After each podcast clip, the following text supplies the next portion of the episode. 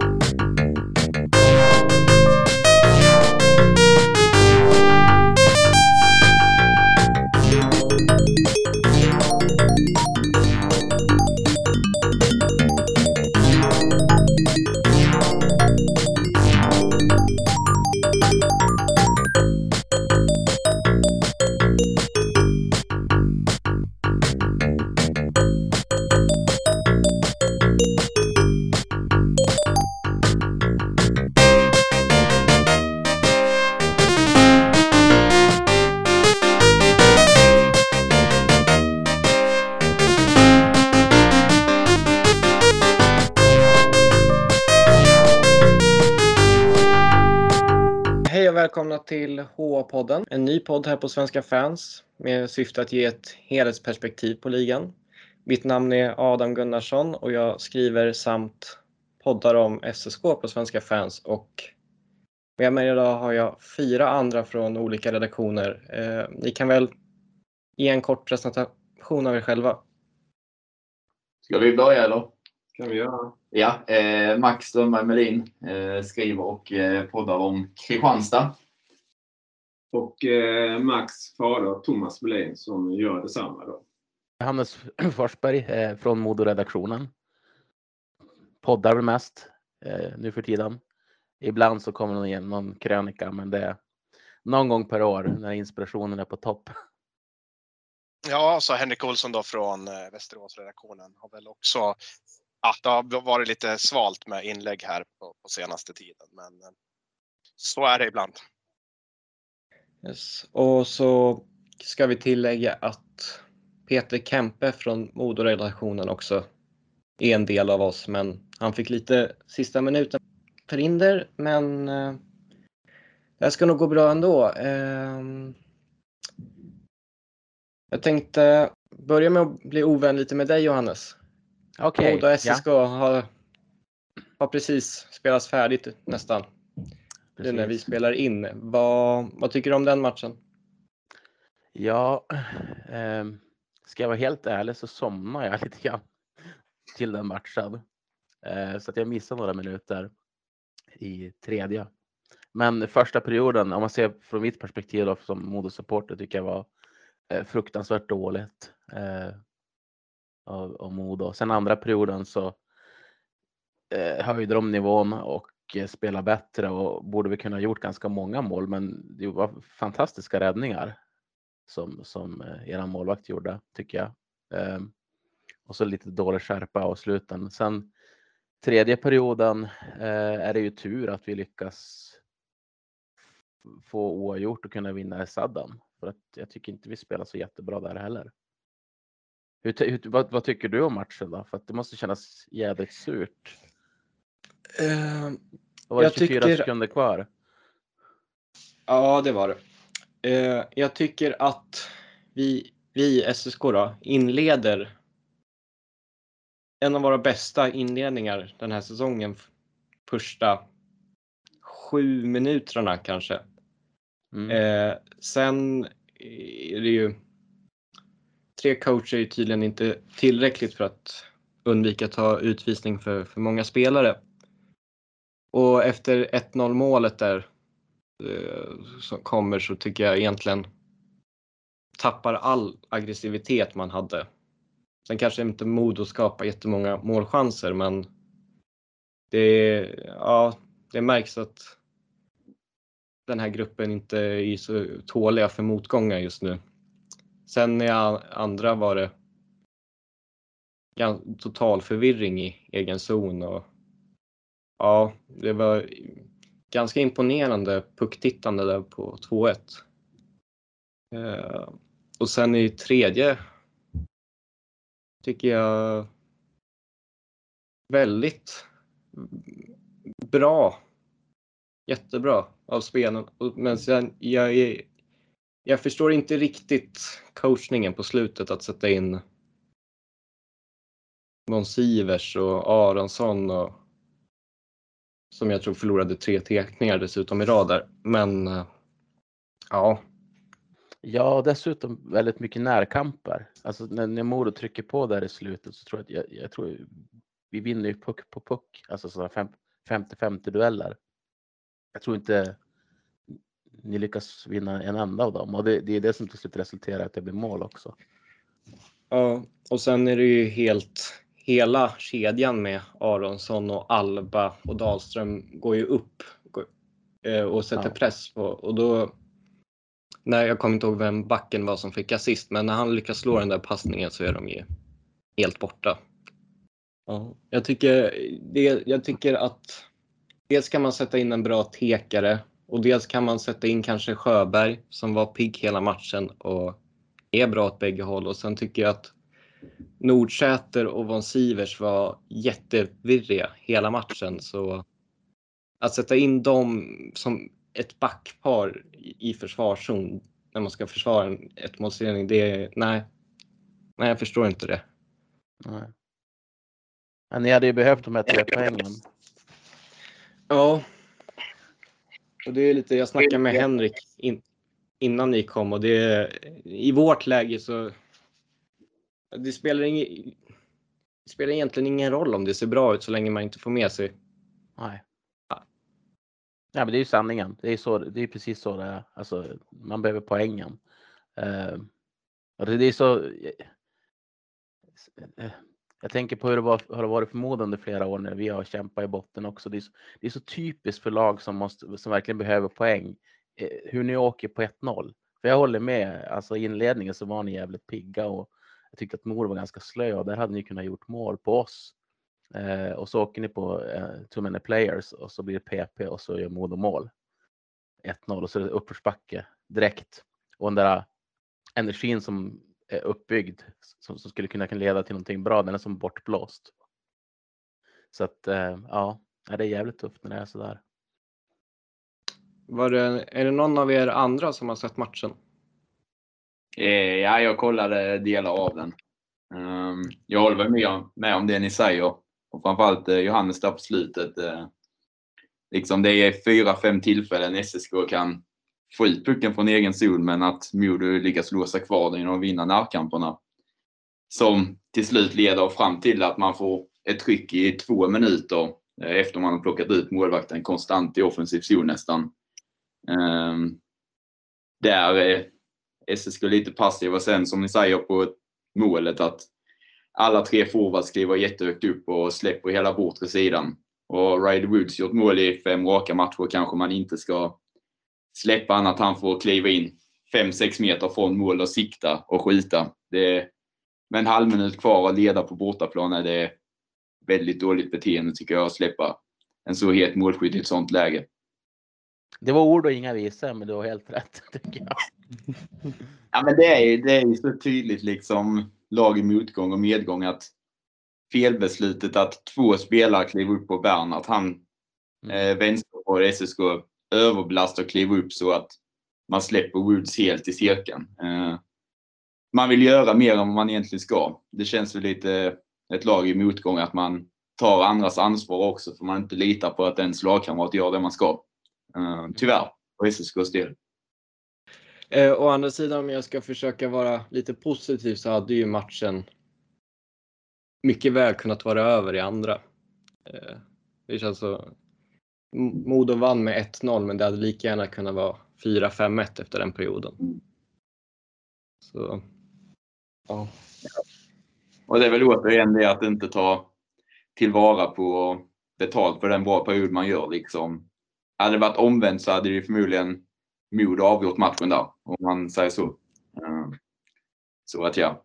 Det är så att eh, då eh, hade Södertälje då haft lite flyt om man säger så, så hade det blivit sex stycken SSK-poäng på de två senaste matcherna och nu blev det bara en istället då. SSK ledde ju ner mot Västervik med och, och som sagt och, och, och sen då idag bara en poäng när det 24 sekunder kvar och eh, kvittering och sen förlora på straffar då. Så att, eh, Mm. Ja, det måste kännas oerhört tungt det var tungt innan men ännu tyngre de två senaste matcherna då och vara SSK-supporter. Jo, det... det Men- men- Hitta vägar att förlora är väl... Ja.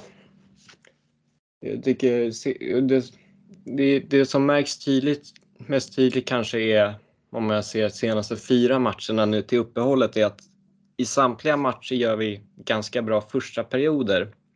Men sen så kommer det någon form av motgång in, i matchen och då fallerar egentligen allt totalt.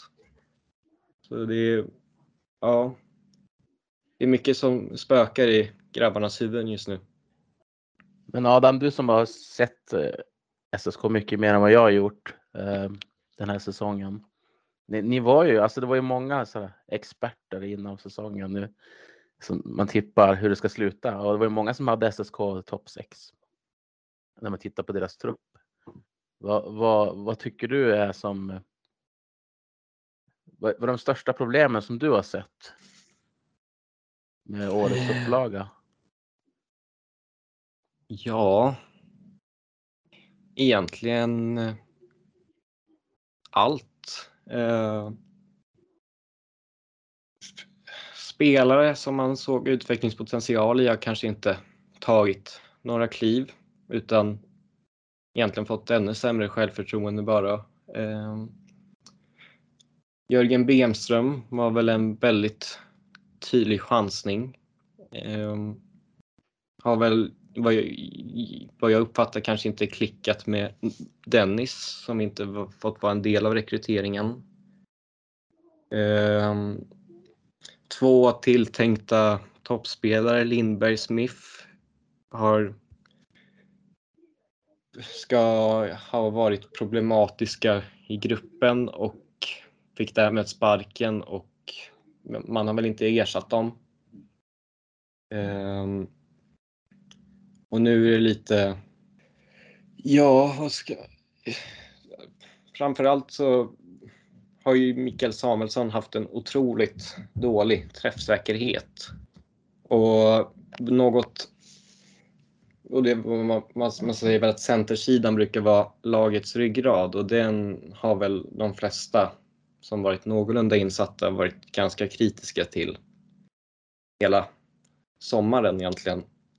Ehm, och eh, nu har man ju börjat agera lite men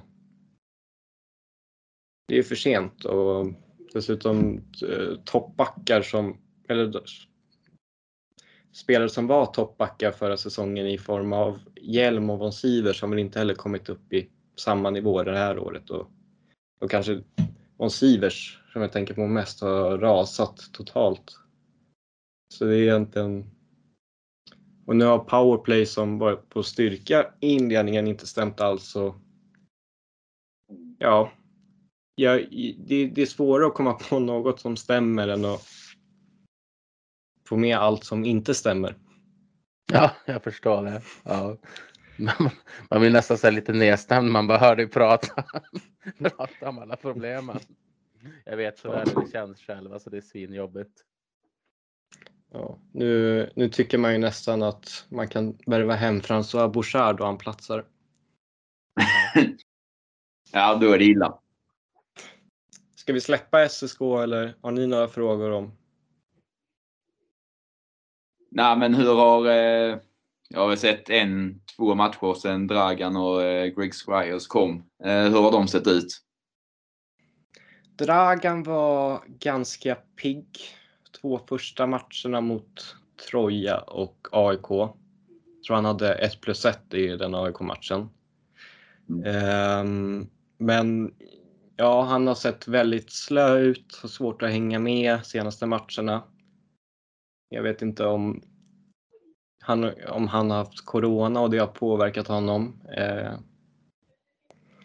men eh, där ser jag ett problem med att jag verkligen inte förstår varför han spelar med Nikola Pasic för det är lite två framspelare som vill ha väldigt mycket puck som har kanske inte svårt att släppa puck och ingen har något vidare skott så det är lite kaka på kaka i den omgivningen. Så jag tror det finns mer att hämta där och Greg, det är, han är ganska ivrig. Han tar sig in i lite obekväma områden. Verkar ändå ha ett helt okej okay skott. Syntes väl inte jättemycket i debuten mot Karlskoga men var väldigt bra bitvis mot Tingsryd och ja, hade en liten blandad insats mot, mot Västervik senast och ja, han har, han har lite svårt att komma till lägen även om han gör ett gediget jobb över hela banan. Men eh, det Adam du säger lite här, det, det är ju hur viktigt det är med, med kemin i en kedja. Jag vet eh, Kristianstad IK förra säsongen, eh, jag klagade rätt så mycket på Mikael Gård då att det fanns ingen kemi i, i, i kedjorna. Och du måste ju ha en framspelare och du måste ha en målskytt och du kanske måste ha en grovjobbare med. Du måste liksom ha lite, lite olika spelartyper. Och som du, som du nu säger, i SSK då har du eh, framspelare i en kedja, så har du kanske bara de som har ett bra skott i andra. Du, har liksom, du får inte ihop helheten på något sätt. Ja, om man kollar på vårt powerplay just nu som Johannes bevittnade i ganska tvärkast så, eh, så är det ju den ena uppställningen så har vi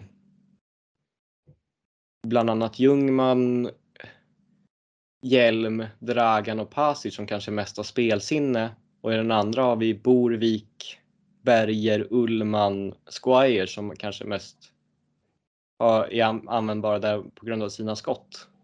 Så det är lite jag, jag vet inte riktigt hur de har tänker ibland när de sätter ihop det här laget. Yes, men ska vi gå vidare nu eller? Gå vidare. Vi... Yes. det blev lite långdraget. Ja.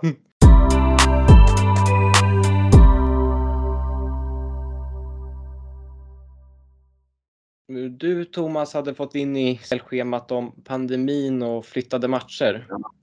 Ja, Ja, eh, jag tänker lite hur vi, hur vi tänker där. Det, det, det, är klart pandemin, den har ju pågått nu, nu när vi kom in i mars, så har den pågått i två år. Den har ju påverkat samhället, inte bara det svenska utan det globala samhället och den har givetvis också då påverkat hockeyn i stor utsträckning. Och, eh, det vi ser nu då det är ju ett eh, späckat Hockeyallsvenskt schema från början och sen så blir det inställda matcher och det blir flyttade matcher fram och tillbaka hit och dit. Alltså det, det, det kan inte vara lätt heller som spelare att planera sin, sin, sin tid. Kristianstad IK var på bortaturné eh, och skulle spela mot eh, Mora eh, två matcher och de skulle spelat en match innan den mot eh, Ja, nej, i alla fall, de, fick, de skulle spelat mot Västerås eh, efter, men den matchen blev spelad innan istället. Sen när de då hade spelat matchen mot Mora, då helt plötsligt så kom det in en match mot Almtuna på vägen hem då från, från Dalarna som eh, bara dök upp sådär eh, ja, ett par dagar innan. Så att det, det är väldigt mycket hattande fram och tillbaka. Och, eh, ja, jag vet inte, det kan ju inte vara lätt att vara spelare i den här situationen samtidigt som det då man ska ju klart spela så mycket matcher som möjligt när, eh, när det finns lag som är, har så pass många spelare som, som man kan genomföra matcher. Men det, det, är en väldigt underlig situation tycker jag. Jag vet inte vad ni andra säger här men... Jo, det är väl bara att hålla med egentligen. Det är ju, det är ju en jättemärklig situation. Som, som du säger, det är, det är två år sedan nu som, som den här pandemin startade men samtidigt någonstans så ja, vad finns det för alternativ någonstans? Det blir ju så. Eh, det viktigaste är ju att, att allting går att genomföra, att man kan genomföra kval och slutspel framåt vårkanten här. Men, men det är klart att det är ju inte optimalt någonstans. Nej, jag läste nu att eh, Björklöven ska spela 21 matcher på 44 dagar. Eh, från och med imorgon då, fram till eh, 52 omgången. Det är ju med lite det är förutsättningar där, men Kristianstad ska spela 6 matcher. Eh, så hur lagen kommer in i slutspel sen. Eh, Björklöven har alltså sex matcher fler på eh, dessa 44 dagarna vad KIK till exempel har innan slutspelet. Så jag vet inte om det blir rättvisa förutsättningar eller vad som. Ehm, men samtidigt så måste ju lagen som är friska spela sina matcher för de som klarar sig nu lär ju få det sen så de behöver ju ha bufferten att ha spelat fyra, fem matcher fler kanske. Sen, sen skrev jag lite, lite ironiskt, eh, för mitt i den här pandemin så, så släpptes det då eh, nyheten in, inom citat då från Hockeyallsvenskan att eh, slutspelet skulle, skulle då i, i alla eh, delar spelas bäst av sju då. Eh, när man då har svårt som det är nu kanske att få ihop eh, så serien, eh, eller Hockeyallsvenskan med, med slutspel är färdigspelad fram till midsommar kanske överhuvudtaget bara. Så, så eh, är, lägger man då ut mitt i, när pandemin är som störst, liksom det här då, och det ser ju väldigt konstigt ut, men samtidigt så var det ett beslut som togs i somras. Ju, så att, eh, det, det, är klart, men alltså det blir ännu svårare att få ihop det hela när det blir ännu fler matcher. Som nu Max han säger här nu då med Björklöven och sen ska de då gå in i ett slutspel också där på det då som är bäst av sju från början. Mm. Det blir väldigt tufft för spelarna. Man tänker på spelarnas hälsa och så vidare. Då. Och det är ju det att det är långa resor också. Det, det är ju ett avlångt land så att eh, det, ja. Det kommer inte bli så mycket annat för spelarna när, när de väl är friska än att spela hockey och sova på hotell och, och äta. Och, och, man hinner inte med så mycket annat, känns det som. Nej, man måste kanske titta lite grann ändå på, på förlänga säsongen. Jag vet inte när när sista matcherna spelas riktigt, eh, hur långt in i april det är. Eh, grundserien 8 mars. 8 mars, ja precis. Och sen slutspelet då någonstans där i... Det är väl inte helt i sluttampen på april, va? eller är jag ute och cyklar där? Ja, det är väl, ja det blir det. Det kan vara 21 matcher varannan dag, så slutet av april. Eh, någonstans kanske. Och då kommer ju den där situationen in med kontrakten som löper ut där också, sista april där. Så Ja, det är ju inte helt enkelt. Ja, KIK har ju åtta månaders kontrakt på nästan alla sina spelare, vilket kanske gör det ännu svårare än vad jag antar att era klubbar har 12 månaders kontrakt på de flesta. Um, så där kommer en grej till för de mindre lagen som bara har råd att betala 8 månaders kontrakt per säsong till sina spelare. Uh, hur det görs med det också, om du nämner med andra spelare vars kontrakt går ut och liknande. Så det är inte lätt oavsett eh, hur de ska lösa det. Nej. Nej, verkligen inte. Sen kan man väl kanske fundera lite grann på den här pandemin som sagt har hållit på i ett par år. Man kanske kunde tagit någon form av höjd för att det här skulle kunna inträffa, även om det såg ljusare ut där såklart i somras då och så vidare. Men, men det är klart att det här omikronen som har kommit nu som är så otroligt smittsamt. Man sitter ju själv här i sviten av den. Eh, Eh, och inser väl någonstans när man pratar med vänner och bekanta och barn i skolan och så vidare att mer eller mindre varenda person lär väl åka på det här. Jag vet inte hur många klubbar det är än som har klarat sig i Hockeyallsvenskan. Det är väl, ett, det är väl inte så många kvar, va? eller? Nej, det kan det inte kolla. vara. KIK har haft det i laget, men inte eh, bred. Alltså inte att eh, de hade kunnat spela matcherna om motståndarna varit friska. Eh, så det har varit ett fåtal fall. Så det är många kvar i KIK som inte har haft om man säger så. Ja, jag såg Västerås mötte ju Tingsryd här för ett par dagar sedan och det var ju två spelare som ströks där sent. From och Hakkarainen och sen dagen efter nu då så var det ju tio borta på träningen. Eller tio borta som tränar väl inte utan det är samma där. Bommades igen. Och hela nästa veckas matcher är strukna nu då. Så ja, det är problematiskt och ingen vet ju hur länge de här utbrotten fortsätter. Någonstans Nej. går ju såklart gränsen för, för att kunna spela klart allting utan att göra någonting. Och det är ju som du sa Henrik, det är lite naivt eh, att inte på något sätt förebyggande tagit höjd för det inför säsongen. Eh, även om det var på nedgång så, eh, ja, det känns eh, naivt att man trodde att hela säsongen skulle fortlöpa utan att det skulle komma någonting. Ja, jag håller med. Absolut.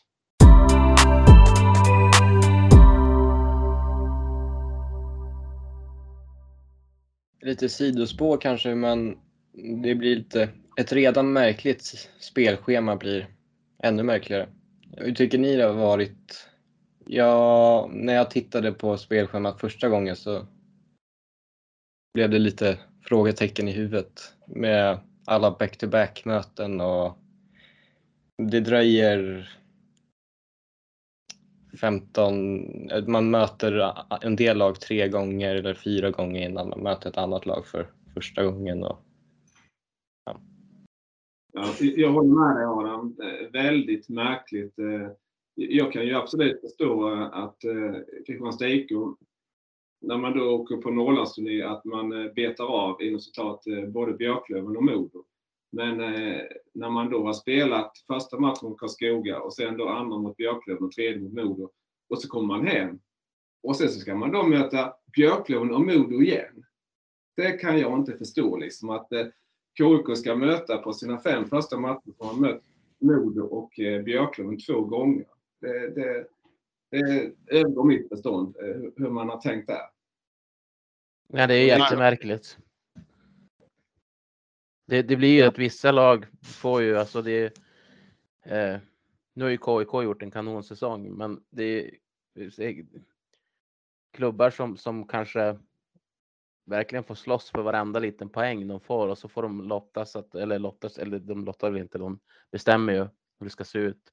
Eh, och så får man möta det man tror är topplag de fyra, fem första matcherna det kan göra ganska mycket för, för en trupp också att åka på stryk fem matcher i början av säsongen. Det, det är ju som inte bara att skaka av sig, utan det är nog mycket funderingar som kommer med det.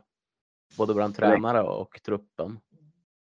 Och det kan man säga nu är ju KIK inte att Mikael Gart var nära få sparken för han sitter så säkert man kan. Men om det hade varit ett eh, Almtuna kanske eh, så hade ju spelschemat i början då man haft KIKs blivit ganska eh, manipulerat mot hur det kunde sett ut i verkligheten. Att de kunde tagit en eh, för snabb liksom, beslut att sparka sin tränare eller liknande på grund av att du har sex raka förluster. Men hade matcherna varit mot sämre lag också hade du kanske haft sex poäng. Så jag tycker med det är märkligt för eh, det, ger, det känns lite amatörmässigt eh, på något sätt. Och KIK mötte inte Mora förrän i 32 omgången, första gången denna säsongen. Eh, också väldigt märkligt. Och då har ju Modo Löven gjort, eh, spelat alla sina matcher för länge sedan, när vi är omgång ja. 32. ja, och back to back båda gångerna. Ja. Det är väl bra och roligt för fansen, men det är ändå eh, liksom två tillfällen per säsong möts de kan man säga. Det är ju med att det var fredag, lördag båda gångerna. Mm. Eh, så ja, jag tycker det är märkligt överlag. Sen gillar jag typ att KIK har Tingsryd tröja i en eh, fredag eh, tycker jag är roligt, men lite bättre spridning på det. Ja, jag, jag kan också bara instämma. Det, det är ju Västerås har inte mött Troja än exempelvis. Så vad, vad är vi? 33 omgångar in någonting. Visserligen så ja. Så, så, för att fortsätta på pandemispåret så skulle man väl ha mött Troja här nu då, men, men jag menar, mötte AIK också där någonstans. Alla fyra matcherna avverkade kanske, inte vet jag, 20 omgångar in säger vi någonstans. Så har man inte mött vissa lag någon gång än. Det, det är lite för, det är för dåligt. Ja. Nej, det är samma lag värvar. Alltså, säg nu om SSK hade lyft. Eh, ni har ju ändå bytt ut fem, sex spelare in. Om ni hade fått ett helt lyft liksom. Då hade ju lag som mött SSK fyra gånger innan omgång 30 haft en stor fördel gentemot nu efter. Uh, för det är ju så klubbarna ser helt annorlunda ut på pappret kan de ju göra. Från första 20 matcherna till sista 20. Så det blir också orättvist tycker jag. Mm. Du tog mig på den där Max. Det var precis det jag tänkte säga. Det, det är väldigt märkligt. Eh, Eh, jag tänkte också säga att jag är, jag är så gammal så jag, jag, är ju uppväxt eh, med det här gamla systemet att eh, om, om man nu spelar 52 omgångar då är det liksom 13 första omgångarna. Då har alla lag mött alla. Sen går man in i omgång två. Eller liksom, liksom då ser man ju, jag tror det är rättvisare också. Alltså jag tror man får ett större intresse också för, för en eh, liga och man kan stämma av på något sätt efter första fjärdedelen. Nu har alla lagen mött varandra. Man ser lite slagstyrkan och så vidare. Nu blir det ju väldigt snett när man liksom inte har någon susning om ja, hur är Mora liksom? Eh, KK skulle ju mött dem nu eh, 5 och 7 januari. Nu blir det framflyttat 10 dagar, men alltså det, det är ju ändå liksom nej, jag kan inte förstå hur man tänker. Nej, jag håller med dig. Jag håller med dig helt Thomas och det du beskriver det är så jag skulle vilja ha det. Eh, jag tror någon gång i februari så möter vi Vita Hästen för första gången och då möter vi dem tre gånger i rad samma vecka. Jag, jag, såg, jag såg någon video med Gabriel, jag kommer inte ihåg efternamnet på vdn. Monidell. Yes. Eh, när han liksom förklarade allt för att han hade fått väldigt många frågor om det. Och det där förstod jag ju att de har tänkt väldigt mycket kring det här. Eh, med vad tror jag, A och B-matcher och att det ska vara, fungera för eh, kanske att Kristianstad eller något annat mindre lag att åka på Norrlandsturné och så vidare. Och så back-to-back möten och allt det där. Men det, det känns nästan som att man har tänkt lite för mycket. Med att man, än att man inte har tänkt alls. För det, ja, det, jag liksom, jag kände typ ett dubbelmöte mot AIK i mellandagarna. Det, det räcker för mig. Annars kan man, äh, annars så möter jag gärna alla lag i en sträcka en fjärdedel. Jag vet. Framförallt inledningen på säsongen, att det, att det blir så rättvist som, som det kan bli. Eh, som du var inne på Thomas, att möta alla lag. Innan, och sen kanske man kan börja fippla lite mer utifrån ekonomi och liknande när de ska göra en Norrlandsturné så att man inte eh, ja, det, det, är klart det är bekvämt för spelarna också kanske åka och köra Löven, Moda och sen hem igen för några hemmamatcher. Men eh, i början av säsongen tycker jag det är jätteviktigt att man gör det så rättvist som möjligt. Det låter som att vi är ganska känns... överens på den här. Absolut. Ja, bara, det känns lite som att de här amerikansk inspirerade back-to-back mötena ställer till en hel del i spelschemat. För annars är det liksom man kan, man kan ha kanske Mod och Björklöven efter varandra i Norrlandsturné även om man liksom möter olika lag 13 matcher idag. Vi kan väl verkligen vara överens om att spelschemat i alla fall, det var ju samma sak som det här uppehållet för landslagsuppehållet i, i höstas blev ju också, det blev ju fel vecka. Just det. det är också någonstans eh, en möjlighet kanske då för barnfamiljer att gå på hockey under det här så kallade höstlovet. Då var det ju var inte en match liksom som spelades. Så det är också det, det, är lite för dåligt. Man har ganska lång tid på sig att spika ett spelschema och det är för många grejer som, som håller måttet där. Ja, alltså det var ju magnifikt idiotiskt skulle jag säga till och med. Inte bara att det var för dåligt. Alltså jag förstår inte hur man kan tänka så just där. Ja, men eh, det känns som att det jag förstår i alla fall på något sätt att de har lagt in väldigt mycket tanke men när det påverkar liksom intresset för ligan som det har gjort för mig och vad jag förstår en hel del andra så är man väldigt fel ute. Jag vill bara påpeka att många hockeyallsvenska klubbar har ju problem med ekonomin och eh, därför som, som jag sa, det är helt okej okay att man, man betar av, som jag sa, Björklöven och Modo på en Norrlandsturné. Men absolut inte att man möter dem direkt när man kommer hem. Liksom. Det, det, nej, där liksom, det var det jag hakade upp mig på och retade mig på. Mm. Och sen eh, också att KIKs inledningsschema var ju väldigt, det skrev jag redan från början, eh, då, då möter första matchen möter man Karlskoga. Sen, sen har man då dubbelmöte med både Björklöven och Modo. Och sen har man då Västerås. Eh, och sen spelar man en match mot Hästen och Vita Hästen och sen har man Västerås igen. Och sen har vi dubbelmöten med HV71 eh, nästan eh, direkt på det. Så, så, att det var mm. väldigt, väldigt konstigt i början, måste jag säga.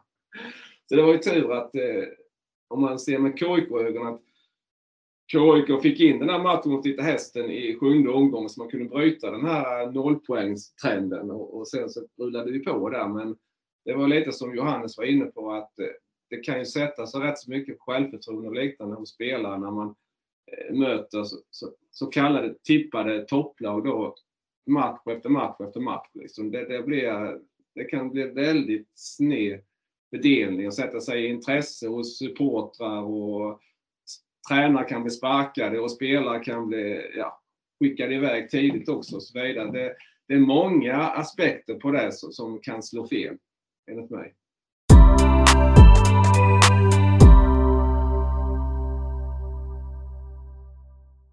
Nästa del blir lite att vi ska gå in på respektive lag vi bevakar och vi kan väl börja lite med Modo. Eh, eftersom vi, det blev mest SSK där i början. Eh, jag upplever kanske att ni har blandat och gett väldigt mycket och spelar bättre hockey mot topplagen kanske än vad ni gör mot de sämre lagen. Eh, vad tycker du? Nej, men jag tycker att du har helt rätt. Eh, många eh, av våra matcher som vi har vunnit har vi, har vi spelat hockey kanske 20 minuter på, på en, en bättre nivå och sen har ju stora delar av matcherna varit på ganska alltså, dålig nivå tycker jag. Så att det var liksom svårt för, för dem att hålla någon slags hög nivå hela matcherna. Och sen är det lite grann, och det är därför vi ligger i toppen, alltså vi lyckas vinna de matcherna ändå.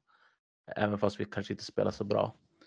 Ehm, men du har helt rätt och sen när det kommer, när det kommer de här toppmötena, om man bortser från Björklöven då, när vi torskar med jättestora siffror så, eh, så, så, så reser de sig och, och spelar mycket bättre hockey.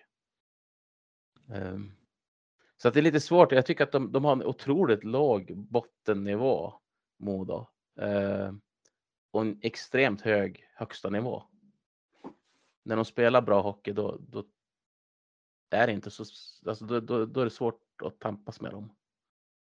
Känner du någon oro inför ett slutspel eh, med tanke på att det har varit en ganska låg lägstanivå? Eh, jag gör inte det direkt måste jag säga, därför att jag tror ändå att de kommer tagga till. Jag, jag tycker att det också har blivit bättre under säsongen ju längre man, det har gått in i säsongen har det blivit bättre och bättre. Alltså att man, man har inte varit lika klappkass. I, även fast man var det mot Troja sist, bara för några matcher sedan och i, idag var man inte speciellt bra heller. Men, men nej, jag känner mig inte så orolig. Jag tror att de kommer vara taggade då. Ja. Johannes sa det här, alltså man, man, man hör ju på ögonbrynen som, som utomstående när man då eh, ena matchen eh, Modo Troja 1-2 och sen bara eh, några dagar senare eh, Modo H71 3-1 liksom. Eh, då undrar man ju vad som händer liksom. Ja. Nej men det, det gör ju vi också som kikar på dem och det är ju eh, Nej men det där är ju helt mentalt. Alltså det kan ju inte vara någonting annat. Att man att man går ner sig. Det är många matcher som, som som vi i rättvisans namn skulle ha förlorat under den här säsongen om, om det fanns någon rättvisa. om, om man spelar bra hockey. Men, men samtidigt har ju Kalin också, tycker jag, har ju lyckats ändå bygga en ganska stark defensiv så, som vi kan falla tillbaka på. Även fast vi spelar dålig hockey så är det, det är inte tvärenkelt att komma in och, och göra mål på, på Modo i år. Han ska ju mycket cred för att vi vinner de där matcherna också för han har lyckats få till det där. Defensiven. Man blir ganska less när man kommer och ser fram, fram emot att se en hockeymatch och se sitt lag och så kan de vara helt värdelösa och sen nästa match är de bra och så är de värdelösa igen. när man vet potentialen som finns. Eh, på tal om Kalin, vad tycker du om eh, han och Gradins första säsong ihop? Känns det som att det är de som ska bygga Modo långsiktigt. Ja, utan tvekan. Eh, nu ska vi vara lite rättvisa också och säga att Fredrik Lader ligger bakom en del av värvningarna till det här laget också. Eh, så att det inte bara Gradins värvningar, men Kalin är ju magisk på att få ihop en grupp. Jag menar, hur många gånger har inte Västervik bytt lag i princip säsong efter säsong och man tänker att nej, men det här är året, de, de kommer åka, de kommer ryka. De har inte en chans. Och ändå så ligger de på positioner som ingen kunde ha drömt om innan säsongen har börjat. Eh, och det visar ju hur viktigt det är att man får de här, alltså man pratar om att ibland ska byggas över flera år eh, för att man ska bli en topplag, men i Kalins fall så är det ju inte så.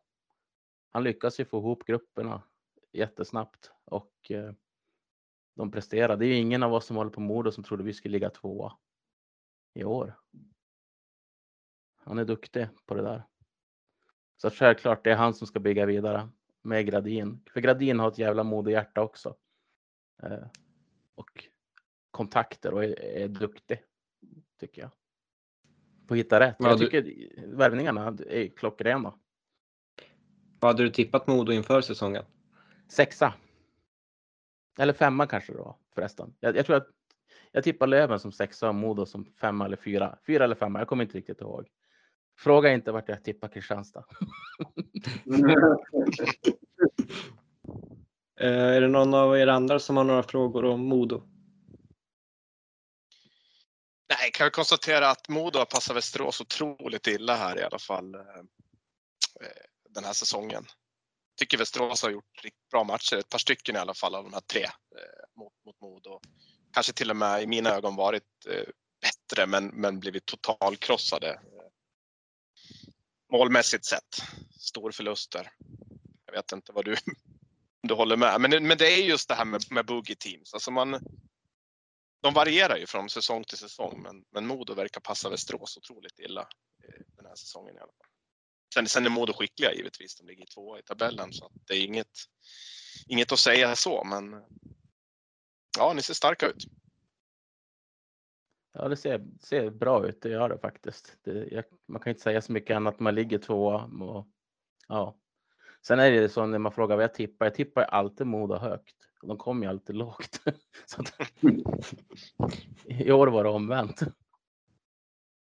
Sen eh, har det väl eh, Mod, Mod har spelat många jämna matcher. Jag tror Max, du tog fram eh, 12 eh, matcher som har gått till overtime eller då eh, kanske till och med några till straffar som, som, som idag då. Så där, mm. och, och, eh, Tex Williamson har väl också betytt en del, eh, gett en del bonuspoäng om man säger så. Oh ja, han har varit jätteviktig, speciellt de här matcherna när Modo inte ja, men spelar, den, spelar på den nivån de kan spela utan han har, ju, han har ju varit direkt matchavgörande, jättemånga matcher. Eh, jag satt också och kollade lite själv för några dagar sedan eller någon vecka sedan att det är 11 matcher den här säsongen hittills där Modo har legat under med 1 eller 2-0 och vänt eh, och vunnit. Och det är också ganska ovanligt för att ofta är det det laget som gör 1-0 brukar oftast procentuellt gå vinnande ur. Men man har som slagit till en växel till när man har legat under med något mål eller några mål och börjat spela, på, spela bättre hockey och lyckas vända matchen Eh, och ofta har ju de gått också till overtime och liknande och så har det studsat in någon puck eller blivit någon mål eller straffar där vi har avgjort. Så att eh, spelmässigt så tycker jag ju som om man ser över de här 35 matcherna, jag tror det är nu vi har spelat så ja, då är vi inte värda att ligga tvåa. men, men det har blivit bättre och bättre. Sen är det väl lite så att som topplag är det nästan viktigare med eh, högsta nivån än eh, lägsta nivån. För rent spelarmässigt har man ändå spelare som räddar och ger dig poäng när du är dåliga. Men som bottenlag är du dåliga så får du inte några poäng. Det får du som topplag ändå. Ofta. Mm. Eh, är min åsikt i alla fall. Nej, jag håller med. Jag håller med dig. Och det är, det är ofta i slutspel också. Det, det är då man, då lagen är som allra bäst och och mest taggad inför och det är, det är då högsta nivåerna ska mötas mot varandra. Ja. Sen är det så över 52 matcher kommer du ha plumpar men eh, grejen är, får du med dig poängen då så eh, är det en styrka. För Modo har väl nästan minst eh, förluster i ordinarie tid av alla. Och det är en styrka att kunna ta med sig poäng även i matcher där du inte kanske är värd det. Ja, Precis, och det är ofta det som gör topplagen som du var inne på, att de, de, de hittar sätt att vinna. Även matcher mm. där de inte spelar bra. Sen det som är, faktiskt är imponerande med Modo, det är att de har ofta studsat tillbaka efter en dålig match och gjort, kommit ut och gjort en bra match. Så att vi har ju aldrig förlorat mer än en match den här säsongen. Vi har inte förlorat två matcher i rad. Mm. Och gör man inte det i ett slutspel så går ni upp. Ja, precis. Det är bara att hålla i det här grabbar så går, kommer det gå bra för Modo. Om ni inte förlorar match 1. Ja, precis. Då kan det bli 4-3 förlust. Ja,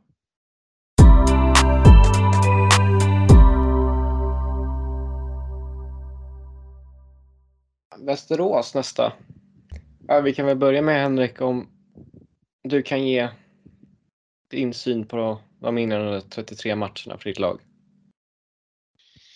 Eh, ja, det ska jag absolut eh, försöka göra. Eh, jag vet inte, spelmässigt så tycker jag att det sett otroligt bra ut. Man är ju spelförande egentligen i princip mer eller mindre var och varenda match. Men, men där är det lite, lite tvärtom mot, som mot Modo kan jag tycka då att man kanske borde fått med sig fler poäng. Vi, vi, vi ankar ju oss fram där på, på topp 6 men eh, tycker väl kanske att vi borde ha fått med oss lite fler poäng. Och vi är otroligt svåra. Vi har inte vänt en match så vitt jag vet om jag inte är helt fel ute här när vi har släppt in första målet och det, det är ju någonstans ganska märkligt så här långt in i serien.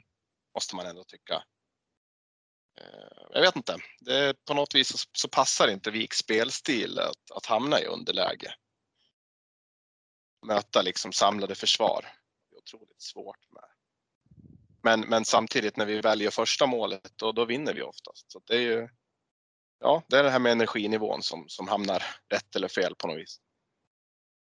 Lite märkligt kan man tycka att det ska vara sån stor skillnad. Men...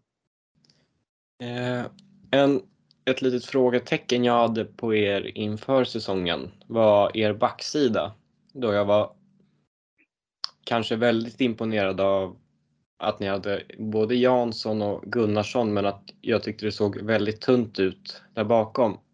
Eh, hur har det blommat ut tycker du? Ja, jag håller med. Backsidan är ju tunn. Den är ju tunn numerärt också. Så sett. Men eh, ja, vad ska jag säga? Jag tycker Tornberg har, har faktiskt eh, gjort en otrolig resa den här säsongen om man jämför med hur han såg ut förra säsongen då. Hade väl lite skadeproblem då i och för sig. Sen har vi ju amerikanen Rowe som jag tycker också har gjort riktigt bra. Eh, Jimmy Jansson har ju precis opererat sin handled så blir han borta också nu. Och det är ju inte bra givetvis. Sen Gunnarsson hade ju problem i början av säsongen och hamnade ju på otroliga minusmål statistiken där, men har väl egentligen sett bättre ut än vad statistiken har visat kan jag, kan jag tycka och har spelat upp sig ganska rejält också. Eh, men visst, den, den är tunn backsidan, det är den.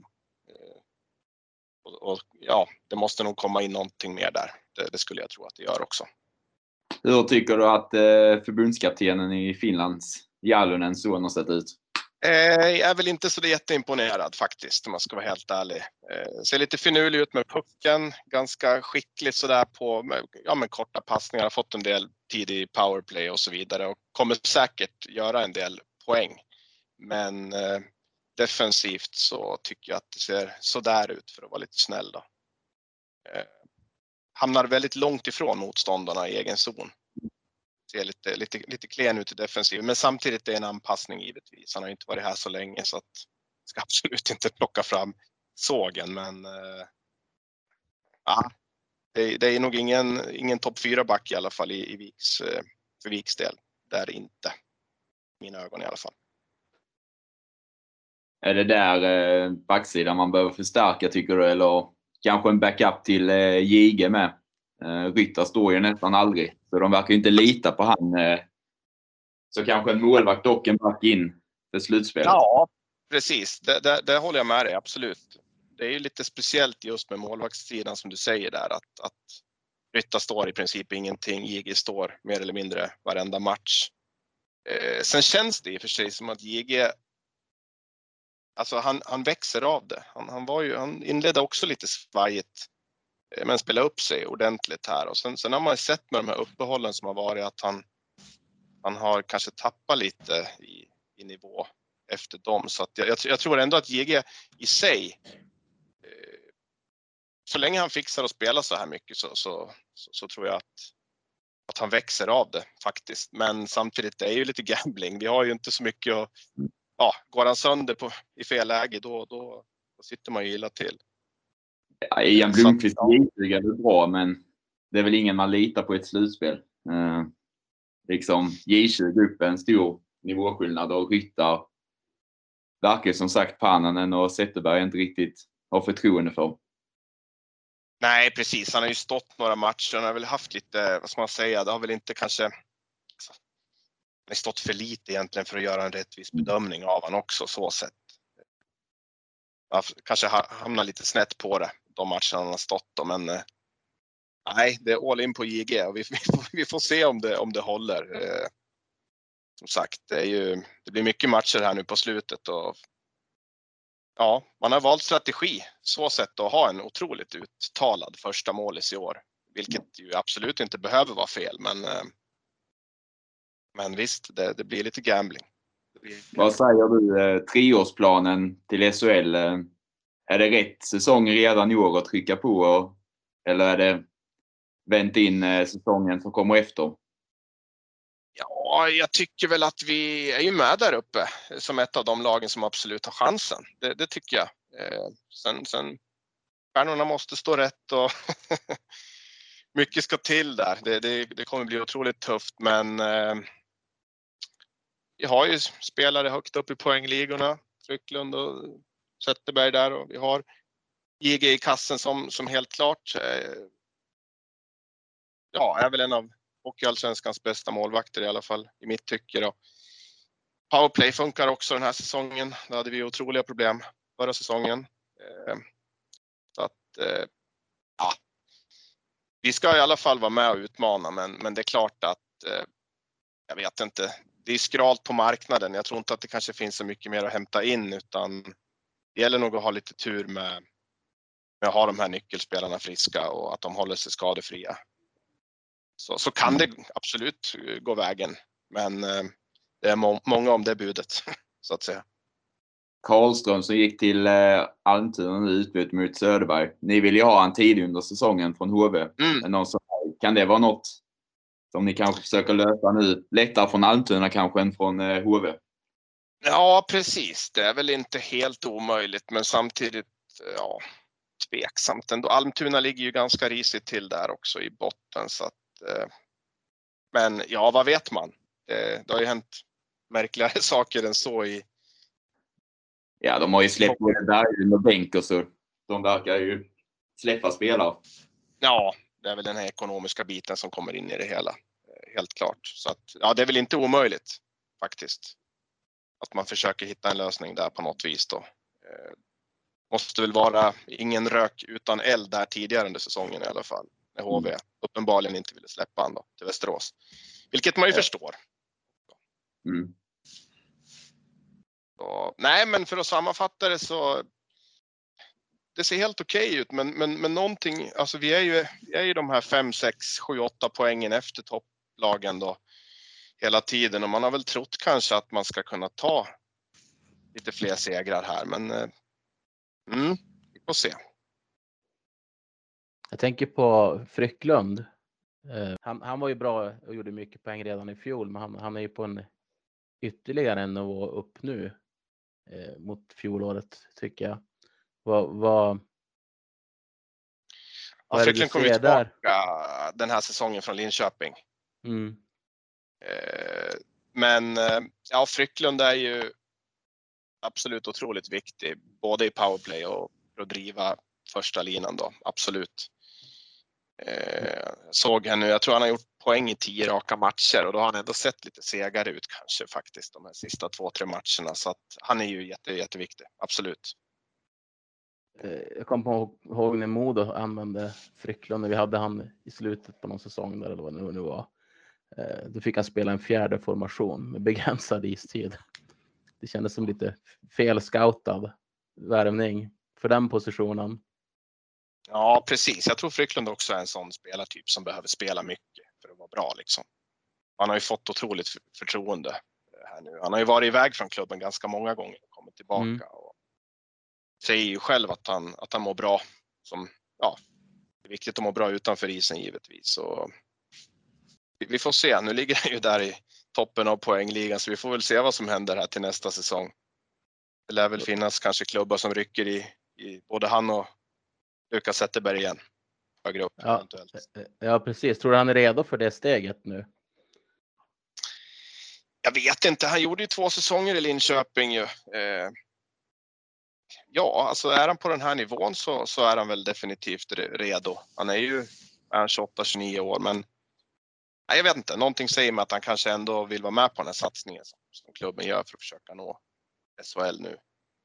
Det är ju, det är ju Ja. liksom så, ska, ska vi ha en, en, en rimlig chans att, att nå det målet, då måste man ju få de här eh, bästa spelarna att stanna kvar ett par säsonger.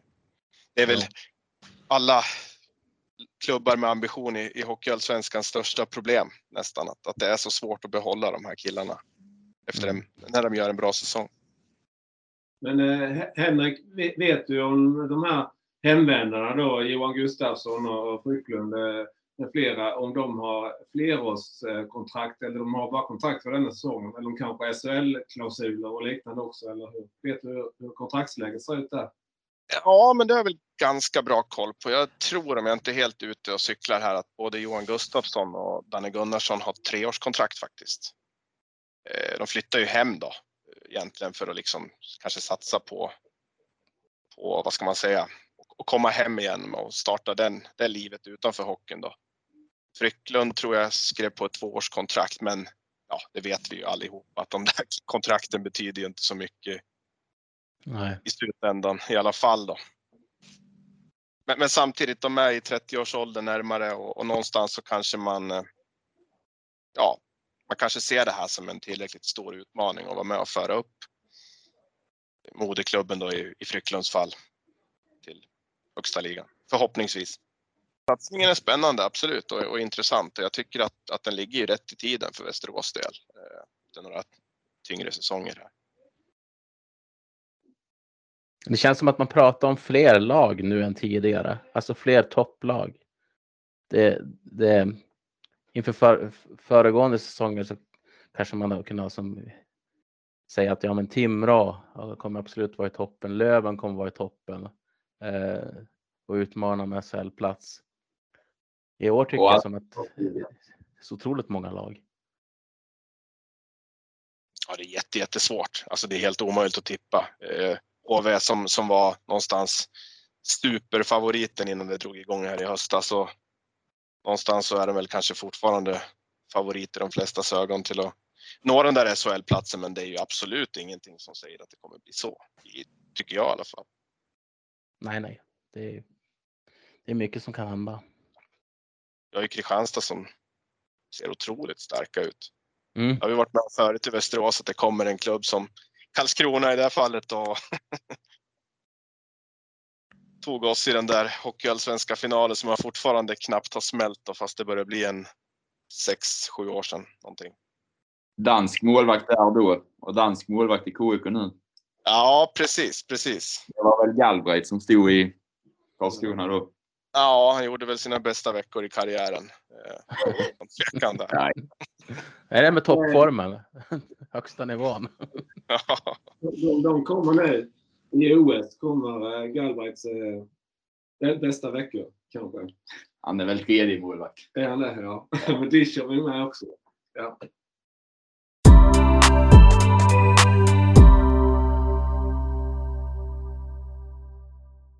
Har någon något mer om Västerås eller ska vi gå vidare till Kristianstad?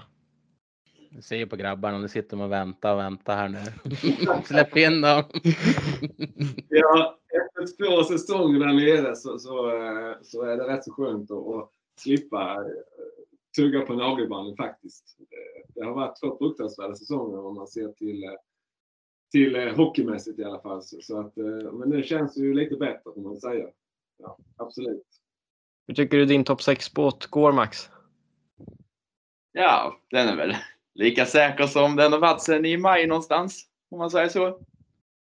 Inget oväntat.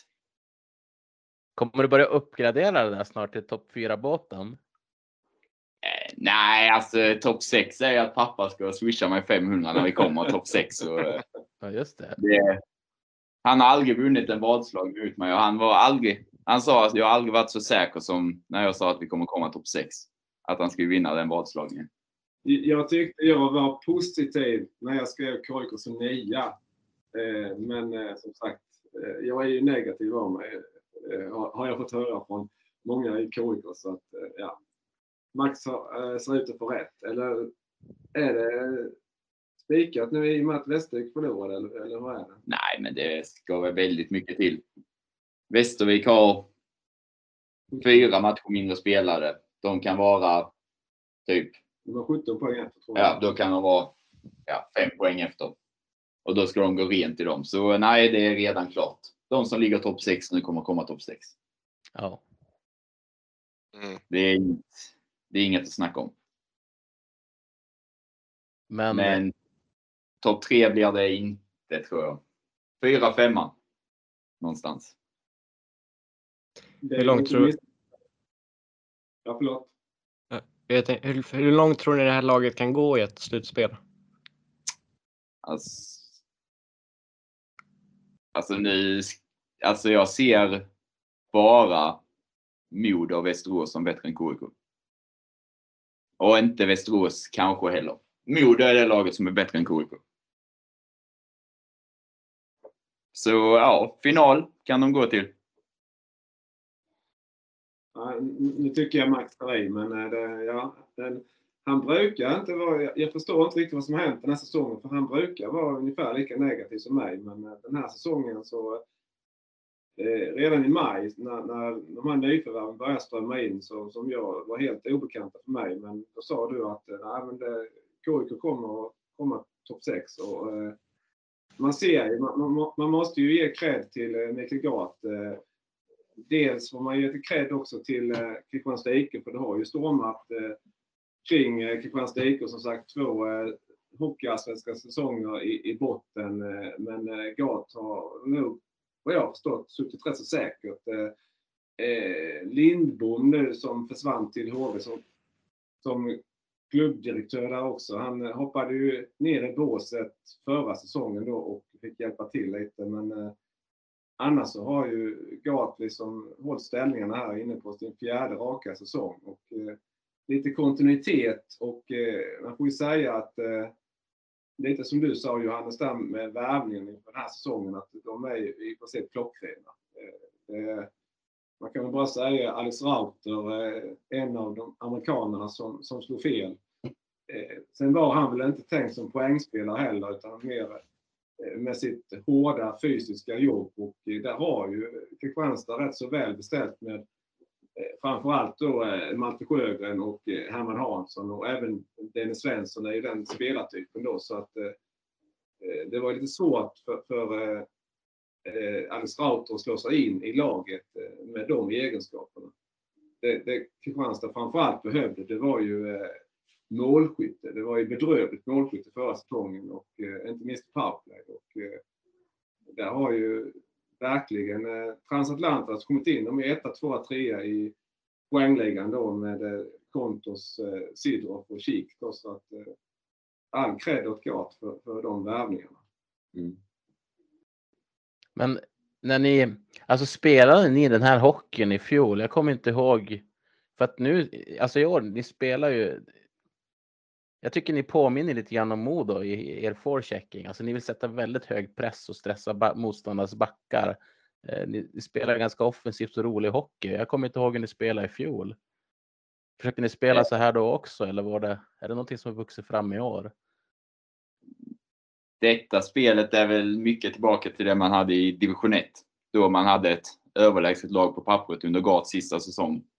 Sen eh, första två åren i Allsvenskan så spelade man bra hockey, men alltså all underliggande statistik och sånt sa att KIK var ett mittenlag de säsongerna med. Men problemet var att den individuella kvaliteten var så pass låg att det inte gav någon eh, utdelning eh, offensivt. Så KIK har spelat bra hockey de andra två åren i Allsvenskan med.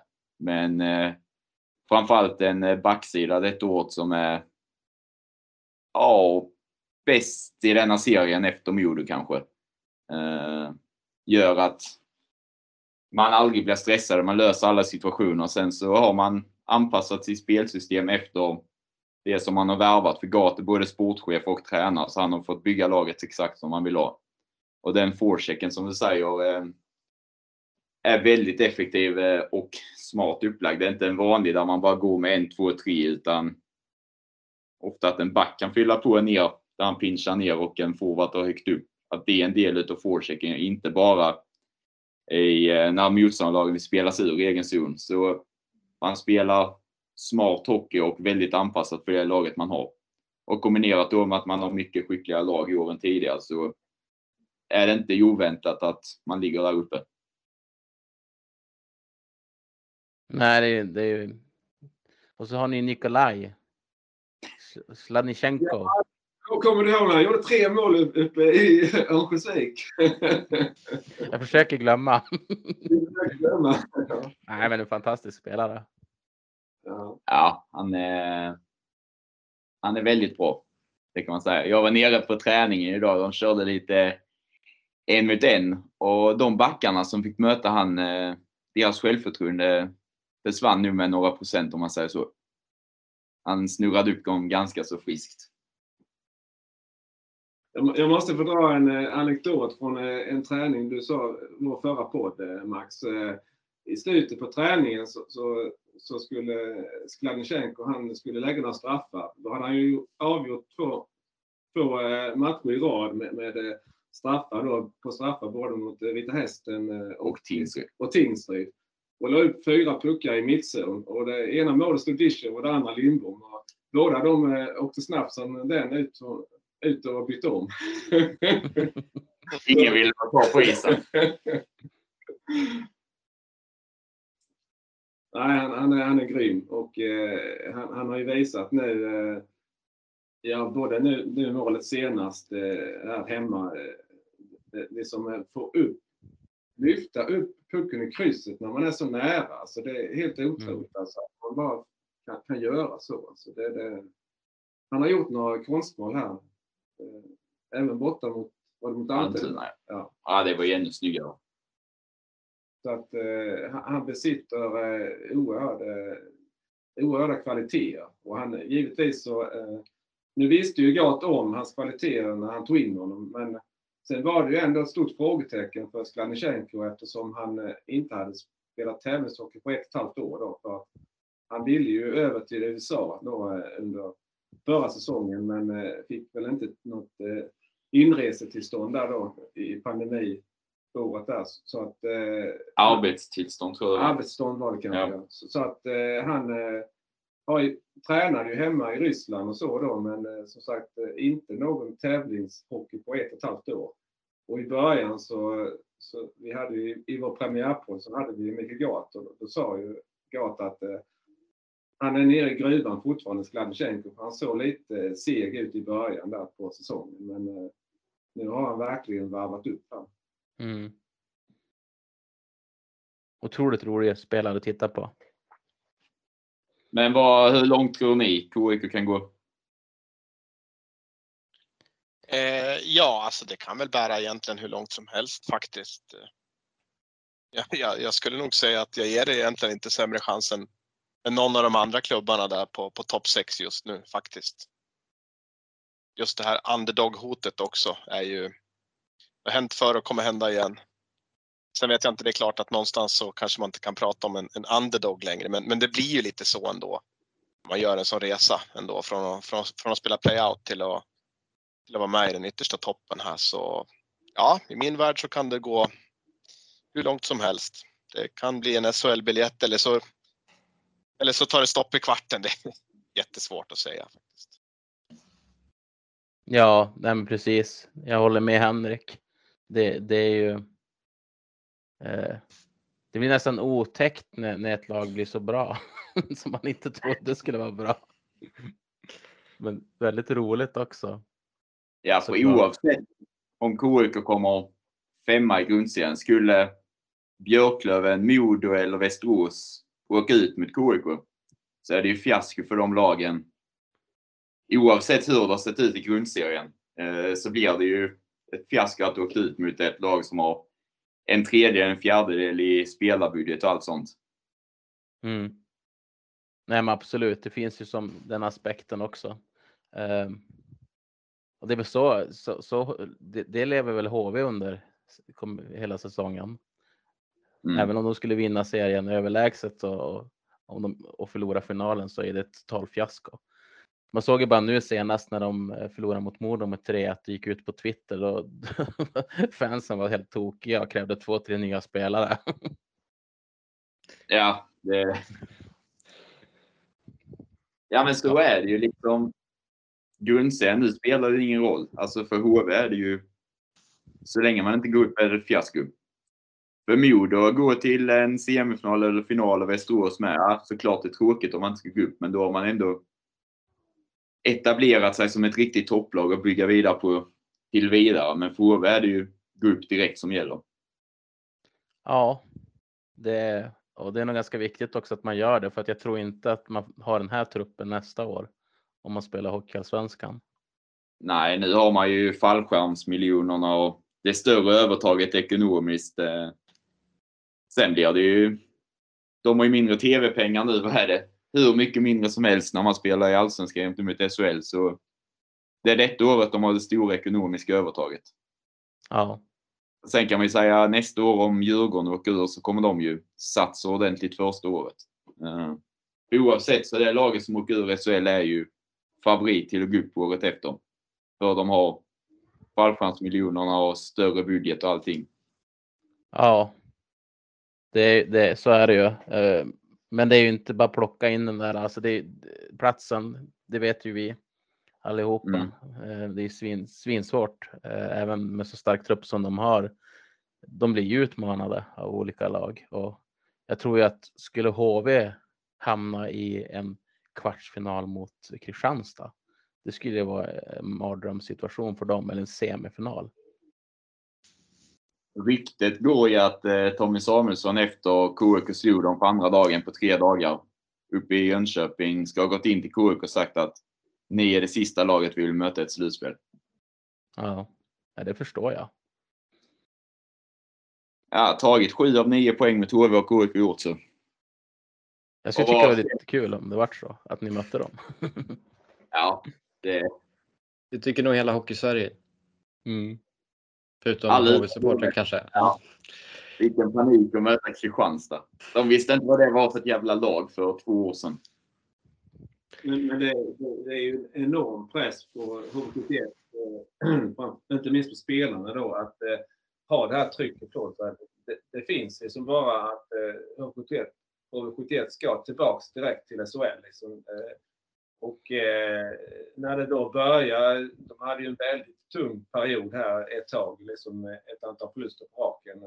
Då, då är det klart att då, då sätter det sig ju i skallarna på, på spelarna. Och, eh, nu, nu har väl, vad jag förstått, eh, som Max säger, då, HV har ju klart bäst eh, pengamässiga resurser. Så att eh, ser de då att ah, vi behöver nog få in en, en forward, ah, okej okej, då, då tar vi in eh, Miles Powell här från Västervik för, vad var det, 700 000? Men eh, det, det är ju inte så många klubbar som kanske bara kan öppna plånboken sådär och ja, välkommen hit Powell, vi, vi lägger upp de här pengarna, liksom, det är inga problem. Eh, jag vet Kristianstad, de får ju vända på varenda krona liksom. Så att eh, det, det är lite olika förutsättningar. Så det är klart, det blir, skulle bli lite konstigt om HV skulle möta Kristianstad i, i ett slutspel här nu. Absolut. Jag tänkte på det du sa för ganska länge sedan Thomas om att du vet inte vad som har hänt med Max för han har varit negativ innan. För Ja. mig låter det för mig låter det bara som att han har ett av Sveriges bästa hockeyögon. Ja, jag, ja jag, jag är ju part i målet. så jag vet inte vad jag ska säga. Men eh, vi har haft mycket diskussioner och eh, han har ju varit rätt på det när, när KK har varit nere i, i botten och så vidare. Och jag har liksom tyckt att ah, men ser inte det rätt bra ut? Nej, det är kast. Liksom. Så att det, det, han, eh, framförallt så är han, är, han är objektiv. Han, han ser det liksom. Eh, inte med, inte med KIK-negativa ögon, inte med KIK-positiva ögon. utan Han ser det på ett neutralt objektivt sätt. Liksom. Så jag vet hela tiden, man kan bolla saker med Max liksom där. Så att det, det, ibland eh, har jag nog varit lite väl KIK-negativ då. Så, att eh, då får han liksom balansera upp det lite, framförallt den här säsongen då. Så, så att, eh, jag klagade ju rätt så länge den här säsongen faktiskt på att det inte fanns någon kemi mellan Skladnysjenko, Kontos och Linus Pettersson. Lite samma som du var inne på där eh, Adam då.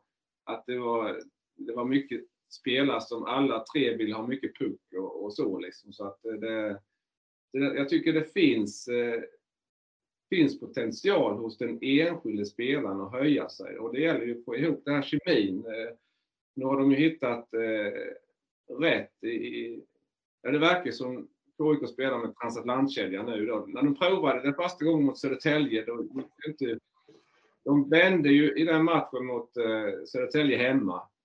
Och sen matchen efter då så blev det ju platt fall i Scaniarinken. 7-4 eh, till SSK då. Och då, då gick ju Gart snabbt tillbaka till eh, de gamla kedjorna om man säger så med Dennis Svensson mellan Kik och Sidorf istället. Men nu verkar det som att eh, det är Kontos som ska spela mellan Kik och Sidorf. Och, och det är, ja, Kontos har ju gjort fantastiskt. Eh, här nu på slutet med 15 poäng på de åtta senaste matcherna. Så att eh, det är ju en eh, göra skillnad-kedja, verkligen. Så, så att eh, det, ja. Ja, man blir mer och mer övertygad när man hör er alltså. Ni, ni, ni tar den där platsen.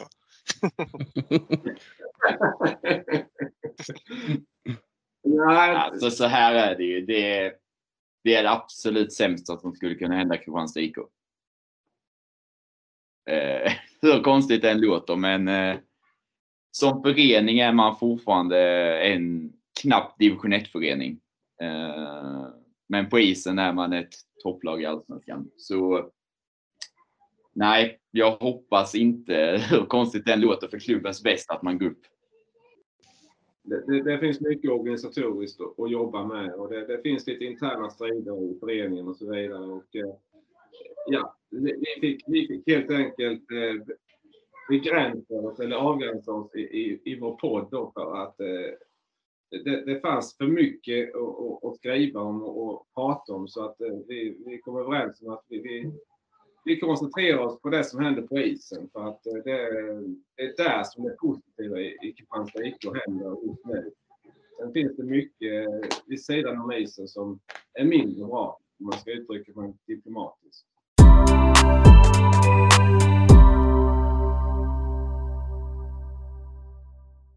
Nu har vi spelat in i 80 minuter, så om vi går vidare från Kristianstad om det är okej okay med er? Absolut. Helt okej. Um, du hade ju skrivit två frågor om SSK Thomas. Vill du ta upp dem eller det kanske räcker med det vi hade i inledningen? Det, det, det jag kan, ja, jo, men vi kan ta en av dem i alla fall. Jag kan tycka det är lite märkligt. Eh, Södertälje SP är väl inte känd som den eh, föreningen som eh, har haft kontinuitet i tränarskapet. Och när det då fallerat så pass mycket. Det kommer in spelare efter spelare eh, och eh, det fortfarande går lika dåligt. Att eh, tränarna är kvar. Som utomstående så kan jag tycka det är märkligt att eh, Benström och Bosic liksom, att de är kvar på sin post. Nu kom det in en tredje coach nu då, men det var som du sa Adam, det var tre coacher kunde inte hålla reda på antalet spelare på isen då innan Modo gjorde sitt första mål där. Så att man undrar ju lite, vad är det som gör att eh, Södertälje SK den här gången väljer att behålla sina tränare?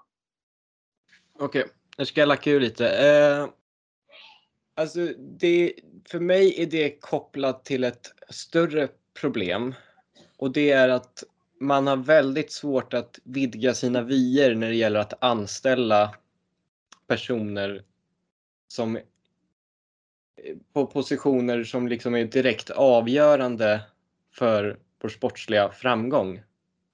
Eh, om man bara tar inför, alltså Samuelsson som gick av, tidig SSK-koppling. Ökvist och Ellebrink, också SSK-hjärtan. Eh, coacherna Bemström, Bosic, SSK-hjärtan. Eh, fystränare Grossman, SSK-hjärta. Kalle Brattenberg, målvaktstränare, SSK-hjärta. Och så tar man in Stefan Gråns som knappt har varit tränare. Eh, och jag undrar att om, man verkligen hade valt honom istället för Lindbäck som är huvudtränare i I20 om det inte hade varit för att han har en väldigt tydlig koppling till SSK. Och det är lite alla Alltså alla känner varandra, alla är tajta. Och det är på något sätt väldigt tufft när man hamnar i en sån här situation att kanske sparka exempelvis Bemström som dels är bra kompis med han som anställde honom och som är ändå en ganska stor profil i klubben eh, från sin spelarkarriär. Så det, det, det, det är det enda jag kan komma på som känns rimligt för jag Alltså de har inte fått ut ett skit av det här laget. Varken Dennis eller Jörgen och båda känns hur uppgivna som helst just nu. Eh, Dennis liksom tidigare man kunde liksom se honom slå i plexiglaset under timeout eller ha sönder en taktiktavla men nu känns han liksom det kan man ju tycka vad man vill, vad man vill om men nu känns han liksom helt likgiltig och Jörgen ska coacha backar nu och liksom ja, har bestämt sig vilka, att han ska matcha åtta backar tydligen och alla får lika, ungefär samma istid varje match. Och det spelar ingen roll hur det ser ut på isen. Så det, jag kan inte komma på någon annan anledning än att det, det, det är svårt att sparka som har gjort en del för klubben tidigare.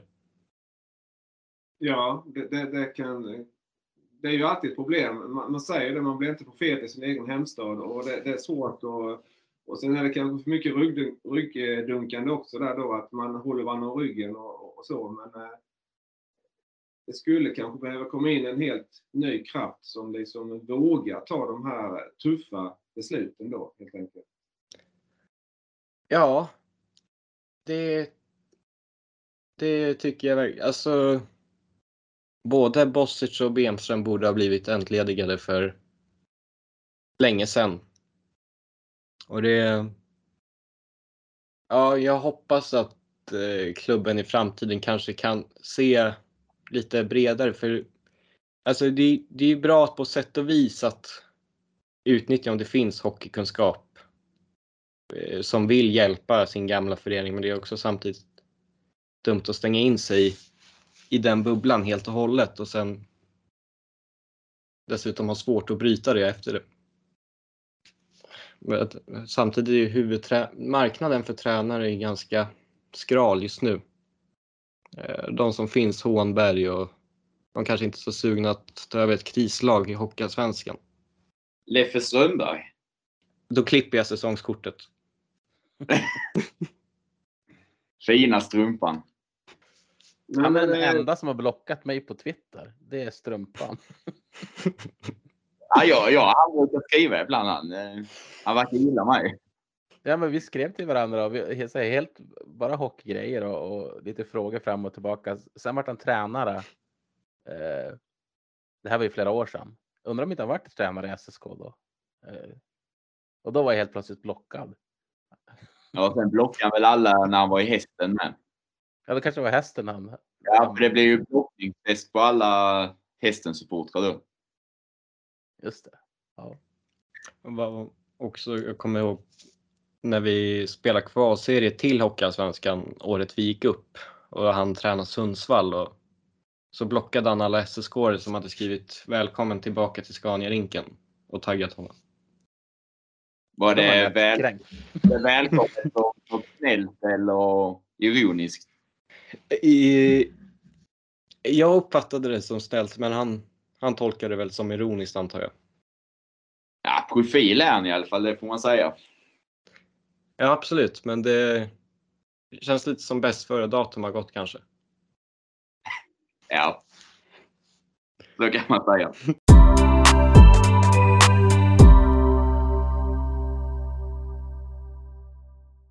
Då uh,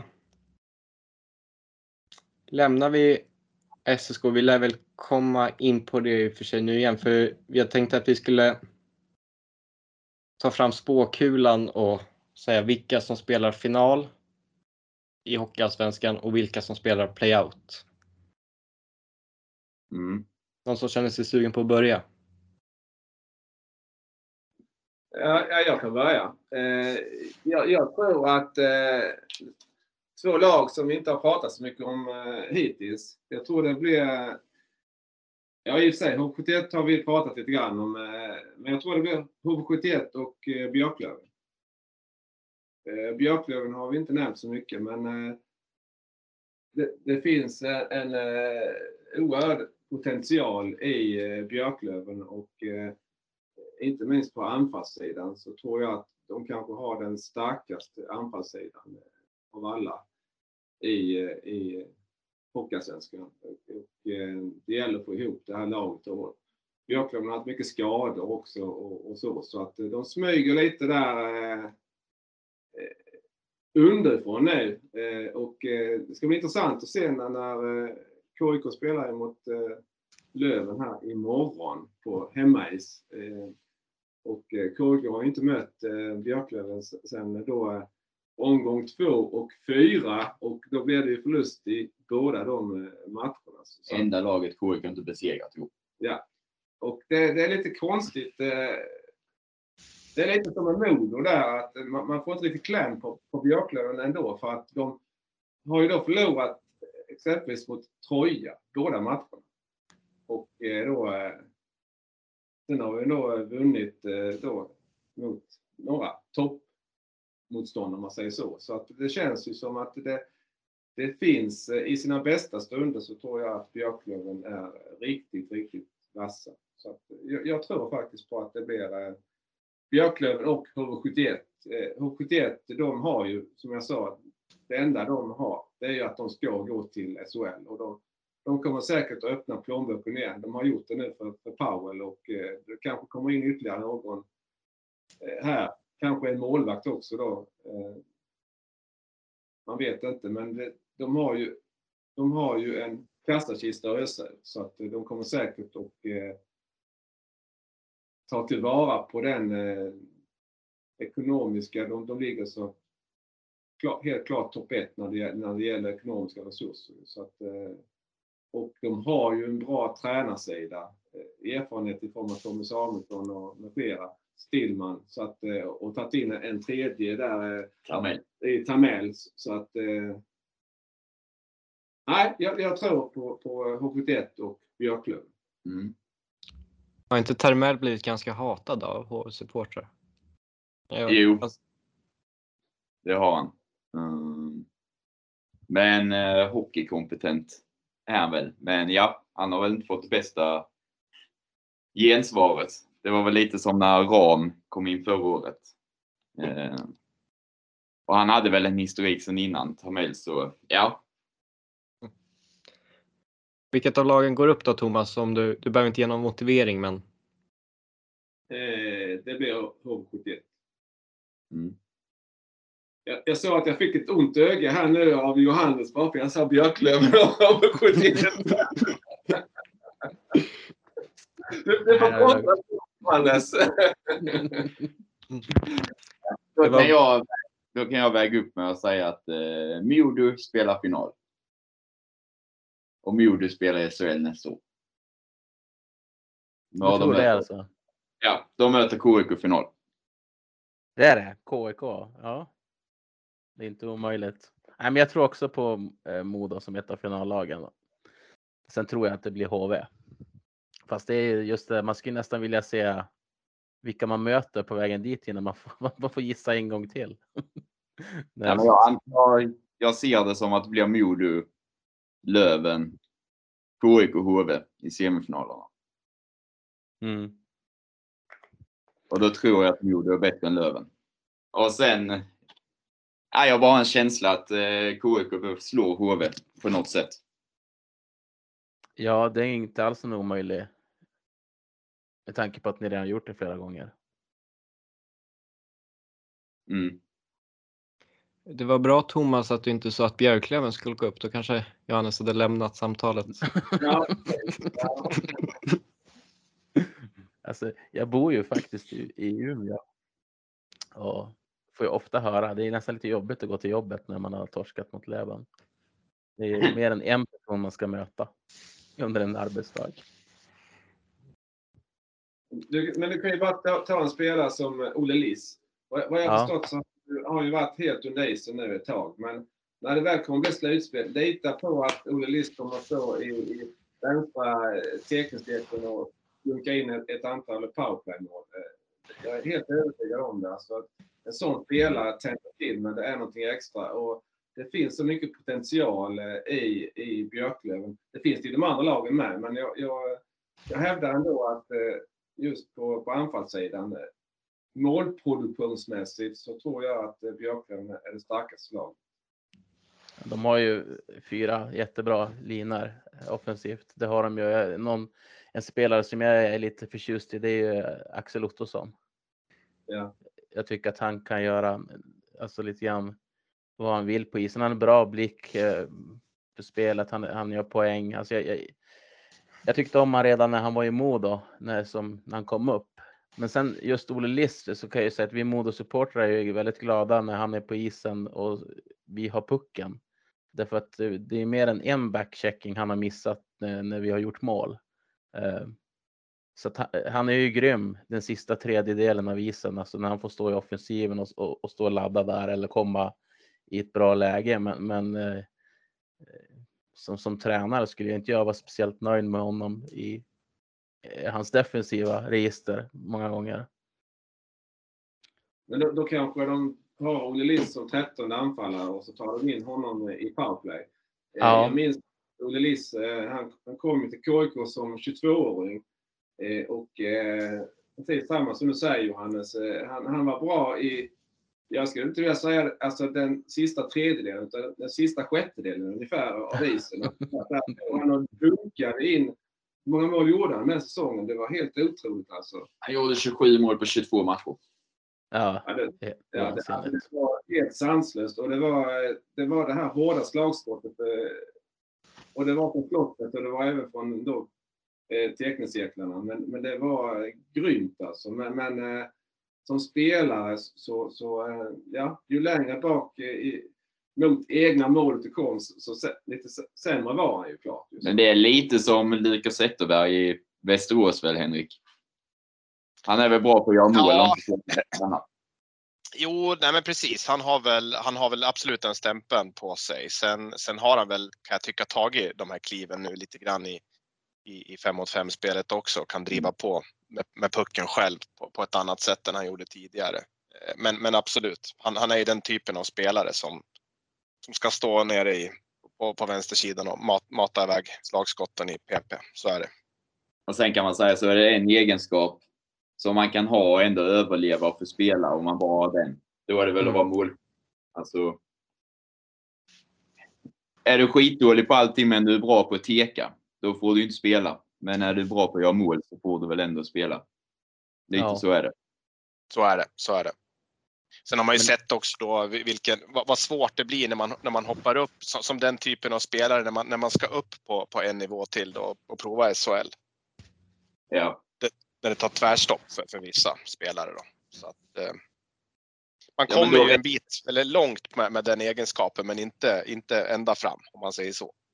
Nej, spetsegenskapen räcker till en viss del men Precis. sen blir det för begränsat kanske i det andra. Ja. Sen gjorde ju Liss, vad var det, 15 poäng på 10 matcher i Rögle och fick spela landslag så eh, han har hockey i sig. Om man säger så. Men eh, ja, Offensivt är han ju fruktansvärt duktig. Han är ju tungt nu. Jag tror inte han, han spelar PP ens just nu. nej, han är petad från PP. Men han kommer göra mål imorgon mot KIK och det är man ju helt säker på. Det Ja. vet man ju. Man- Ni, ni får inte prata om spelare så här specifikt, eh, jinxa dem innan en match. Nu, nu ligger ni under med 1-0. Det är Liss 1-0. Ja. Men då får vi säga att några är dåliga liksom. Ja. Så, både Klas Endre och Voutalainen är dåliga, så nu är det 1-1. Oavsett vem som står. Så att den har ju gjort två matcher mot, eh, och det är väl det som är lite... eh, Alltså, vi pratade här, Henrik, om att eh, Johan Gustafsson står nästan alla matcher i, i, eh, i Västerås. Och Mm. det, är väl, inte- det är väl lite på samma sätt eh, att eh, Voutilainen har väl stått väldigt mycket matcher för, för Björklöven. Eh, Endre har väl inte, han stod ju lite i början då, men Ja. på slutet har han inte ändrat på att stå så mycket matcher. Nej, han har väl Muttelainen har tagit över i alla fall. Så, Och det, det är lite samma läge i KIK med att eh, nu har vi ju en OS-spelare i alla fall. Det är väl inte något annat lag som, eller, som kan skryta med det eller? Eh, och, och, Nej, och, vi, trodde, vi trodde väl att From, From skulle få chansen, men det blev inte så i Danmark där. och Agard, men ingen av dem kom med. Nej, nej. Nej, Jag precis. tror- Jag tror det är faktiskt att, heter det Agard eller Ågård? Ågard. Jag tror man säger Ågard. Eller Agard Enligt säger man. har lärt mig så, ja, nu bor vi ju nära Danmark så vi borde kunna detta. Men jag Ja, vet inte. Jag tror att de säger Agard eller Agard eller något sånt där. Ja, jag är Ja. väldigt dålig på det. det- blir ett singellag. Ja. Men han- han är, han är ju väldigt bra, duktig, Agard, eh, måste man säga. Så att han, har, han har gjort några mål med så att, eh, Men inte tillräckligt för att ta plats i alla fall så att, eh, i OS-truppen. Nej, det är eh, tråkigt för han givetvis, men eh, bra för oss som håller på. Att kvar honom. Och, vi får ju säga då i, i, KIK att det, det är ju glädjande för Fredrik Discher men eh, inte lika glädjande för, för KIK att eh, släppa Discher som har varit otroligt bra hittills den här säsongen får man säga. Ja, vilka tror du är Henrik i final då? Alltså jag satt och funderade när ni har pratat här och vi, jag trodde vi var ganska överens där om att KIK skickar ut HV i kvart eller semi idag. eh, men jag, alltså jag får inte riktigt den här magkänslan än för att kunna bestämma mig vilka som möts i den där finalen. Jag, jag, jag vill ju tro på, på Västerås givetvis och jag tror verkligen att vi har chansen att gå längre än vad vi har gjort på länge. Eh, någonting säger mig ändå att HV kommer att få det otroligt tufft. Alltså när, när, jag menar, man, man har en ordförande som till och med innan säsongen startar som går ut och säger att han avgår om man inte går upp till SHL på första försöket. Och då är man ganska långt ifrån sporten som ordförande någonstans. Mm. Eh, man har liksom allt att förlora någonstans. KIK har ju allt att vinna, eh, om man säger så. Sen kanske det är Modos tur i år efter några tunga säsonger.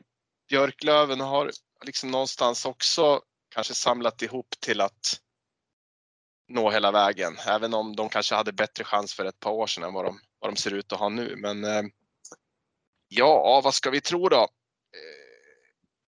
jag- Ingen ja. nämner Karlskoga.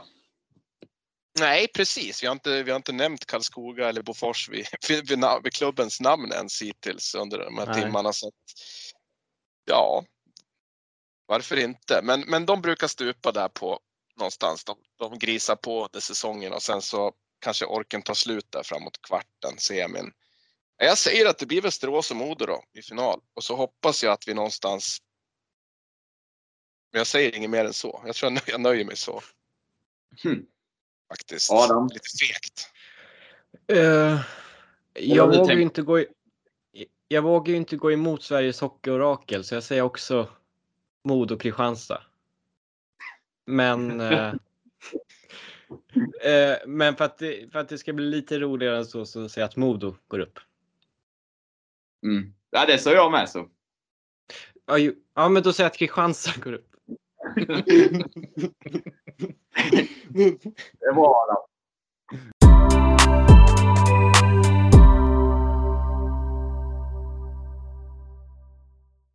Ska vi gå in på playouten eller sparar vi det till nästa avsnitt? Vi kan väl bara nämna vad vi... Ja, vi, vi måste ju ta lite om playout. Jag tror det är många som sitter och lyssnar på oss nu så, som eh, vill höra vad vi, vad vi tror om, om eh, och Vi har ju fått några lyssnarfrågor med. Eller, och så, Ja. så att, eh, Vår, Ja. vår, vår, kolle- eller vår svenska fanskollega Mattias Danielsson var ju väldigt intresserad. Speciellt Precis. vad jag, speciellt vad jag tyckte den skadeglade jäveln. Han ligger ju ändå sist så han ska väl inte säga något. Ja, men han är helt övertygad om att Troja kommer sluta topp 12. Det är jag med. Yes, Jag men är, är, ska du börja då Max?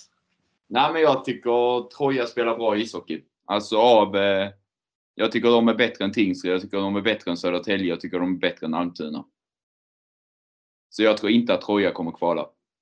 Eh, det är ett mycket mer tydligt system systemdrivet, eh, kanske sämre på pappret än de andra lagen. Men jag gillar Roger Forsberg som tränare. Eh, så Troja undviker kval. Eh, Adam fasar för vad jag ska säga nu. Men jag tror inte heller att Södertälje kvalar. Tingsryd Almtuna. Vilka åker ur? En gång för alla Almtuna. Om de inte får gratisplats en gång till som de fick när KF. Nej, men jag tycker de har bra forwardsida, men jag tycker det sänder konstiga signaler att släppa sin kapten Berglund till Djurgården, att släppa bänk och eh, Sen Karlström var bra där förra året, kan säkert bidra lite. Eh, men nej, jag, jag känner inte att det hur gruppen reagerar för att man ligger så illa till och släpper två av sina ledande forwards. Jag tror det är konstigt. Sen Andrén borde vara bra på allsvensk nivå, men jag är inte övertygad om Viktor Andrén som målvakt. Så Almtuna åker ut. Tingsryd vinner. Thomas, håller du med din son? Ja, det gör jag faktiskt i den här frågan. Eh, eh, om man nu ska återgå till, eh, kan rekommendera den, den artikeln som Mattias Danielsson la ut, var det igår, på, på, på Svenska, Svenska fans. Det var ju fem lag som då är indraget i, i bottenstriden. Vita Hästen håller jag med om att de, de kommer att klara sig. De har ju lite poängmässigt försprång. Och de vann över Tingsryd idag i förlängning. Okej, okay, ja. Så de dryger dem ut lite till där då. Eh, och eh, sen så eh, tror jag faktiskt att eh, även om det inte blir tränarskifte i Södertälje så, så, tror jag att Södertälje, där finns, de har fått in så pass många bra spelare där så att det, alltså det, det vore ju med de spelarna, alltså, om inte FF klarar sig, det vet jag inte. Det som det, det, nej, Södertälje eh, spelar i Hockeyallsvenskan nästa säsong också. Det är tre lag kvar och eh, jag är ju från Markaryd från början och Trojahjärta och, och så vidare och eh, jag har ju tippat från början att det var Troja och Västervik i, i playouten. Där ser man ju hur usel tippare jag är. Och eh, man kan ju inte titta på, för Kristianstad vann mot Troja med, med 9-1 här eh, näst sista dagen på förra året. Eh, och det är totalt utspelade. Men eh, Samtidigt har Troja har slagit Björklöven, Troja har slagit Modo. Eh, Troja har, Ragnevall gjorde en riktigt bra match eh, nu senast. Så att eh, jag tycker att eh, nej, Troja klarar sig. Eh, Tingsryd har åkt rutschkana i tabellen och eh, läcker framförallt bakåt. Eh, nu vet vi inte, nu kommer ju Rydén in här eh, som har varit skadad, varit borta fyra och en halv månad. Och han kanske kan täppa till lite i buren där. Men eh, nej, Tingsryd och eh, Almtuna kommer att eh, kvala. Eller spela playout. Och eh, ja, jag tror faktiskt att eh, Tingsryd tar det. Sen är det en liten brasklapp där om kanske eh, Tony Mårtensson, han snurrar på sig skridskorna och lägger några assist och så vidare i playouten där. Men eh, Eh, jag kollade ju med deras sportchef Björn Danielsson här när KIK hade dubbelmöte med Almtuna, men det var inte aktuellt sa han. Så men mm. men jag håller med Max där, släppa sin kapten och släppa en kvalitetsspelare eller en spelare som kan leverera som bänker. Det, det, det sänder konstiga signaler. Så att, jag, jag, jag tror på Tingsryd, Almtuna och Almtuna åker ner. Det är klart om det, det är en tanke de har att dra till det kortet så avslöjar han ju inte det för dig. Nej, nej precis. I, I omgång 30. ja. Uh, Johannes? Ja, alltså inför säsongen när man ska tippa och hålla på. Jag är ju en usel tippare. Då såg jag mig framför mig en eh, holmgång mellan Troja och Kristianstad. Vilka som skulle få vara kvar i Hockeyallsvenskan. Och nu börjar vi prata om Kristianstad som ett av finallagen. Så att jag, jag tror att jag måste riva upp hela tipset. Eh, därför att jag håller med killarna här som har pratat att jag har sett Troja, jag har sett Södertälje väldigt nyligt och jag tycker de det är, för, det är för bra. Det är för bra kvalitet för att man ska åka ur. Däremot så Almtuna och Tingsryd. Mm.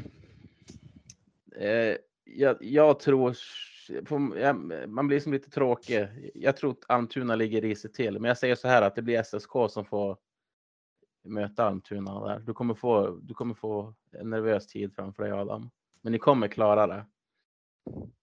Med ett udda mål. I förlängningen då. Ja, i förlängningen. Och Almtuna ska ha haft stolpskott som Väsby hade mot oss.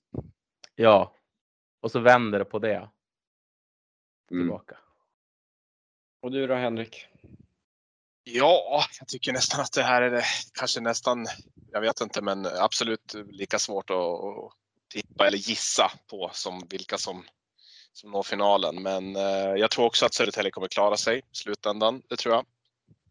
Eh, jag tror att Troja får kvala faktiskt. Jag tror det. De ligger där sist på 29 poäng. Visserligen har, spelat, har de spelat tre matcher mindre då än bottenkollegorna. Men ehm, ja, om jag tittar in i kristallkulan så tror jag att det blir Troja mot Almtuna i kvalet och att Almtuna åker den här gången. Men det är otroligt svårt. Jag ska inte sätta några pengar på det. Då blir, du väl, då, blir, då blir du väl glad? Ni har väl haft ganska svårt mot Almtuna? Ja, precis. Det har vi haft faktiskt. Framförallt i Gränbyhallen. Det är någon form av mardrömsarena de senaste 10-15 åren. Så, Och så får ni derby med Surahammar nästa år. Ja, jag vet inte. Det vore väl ganska kul, men någonstans så tar det nog stopp för dem också. Men eh, ja, Ja. det är också en imponerande resa de håller på med. Absolut. Ja. Ska jag Ja, tippa då. då? Mm. Alltså, ja, att Vita Hästen undviker negativt kval är jag helt övertygad om. Ehm, jag tycker det är det bästa laget just nu av de här fem. Sen håller jag med Max om att Troja är också bättre än vad tabellen visar. Så i de tror jag också undviker. Och då är det ju tre lag kvar och jag, jag som har sett det, det här laget hela säsongen och jag Alltså jag, det har varit några strömatcher likt idag. Och sen var det någon match mot BIK vi dominerade också men vi fick inte in puckjäveln.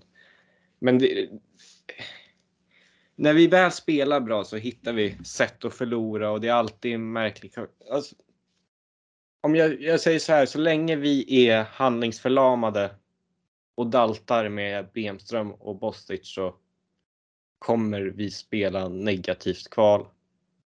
Och det kommer vi inte klara mot ett lag som är mentalt förberedda på det och det laget vi kommer möta är Tingsryd. Så du tror att ni åker ur? Ja. För jag tror inte vi kommer agera i tid, nej. Vilken begravningsstämning det blev.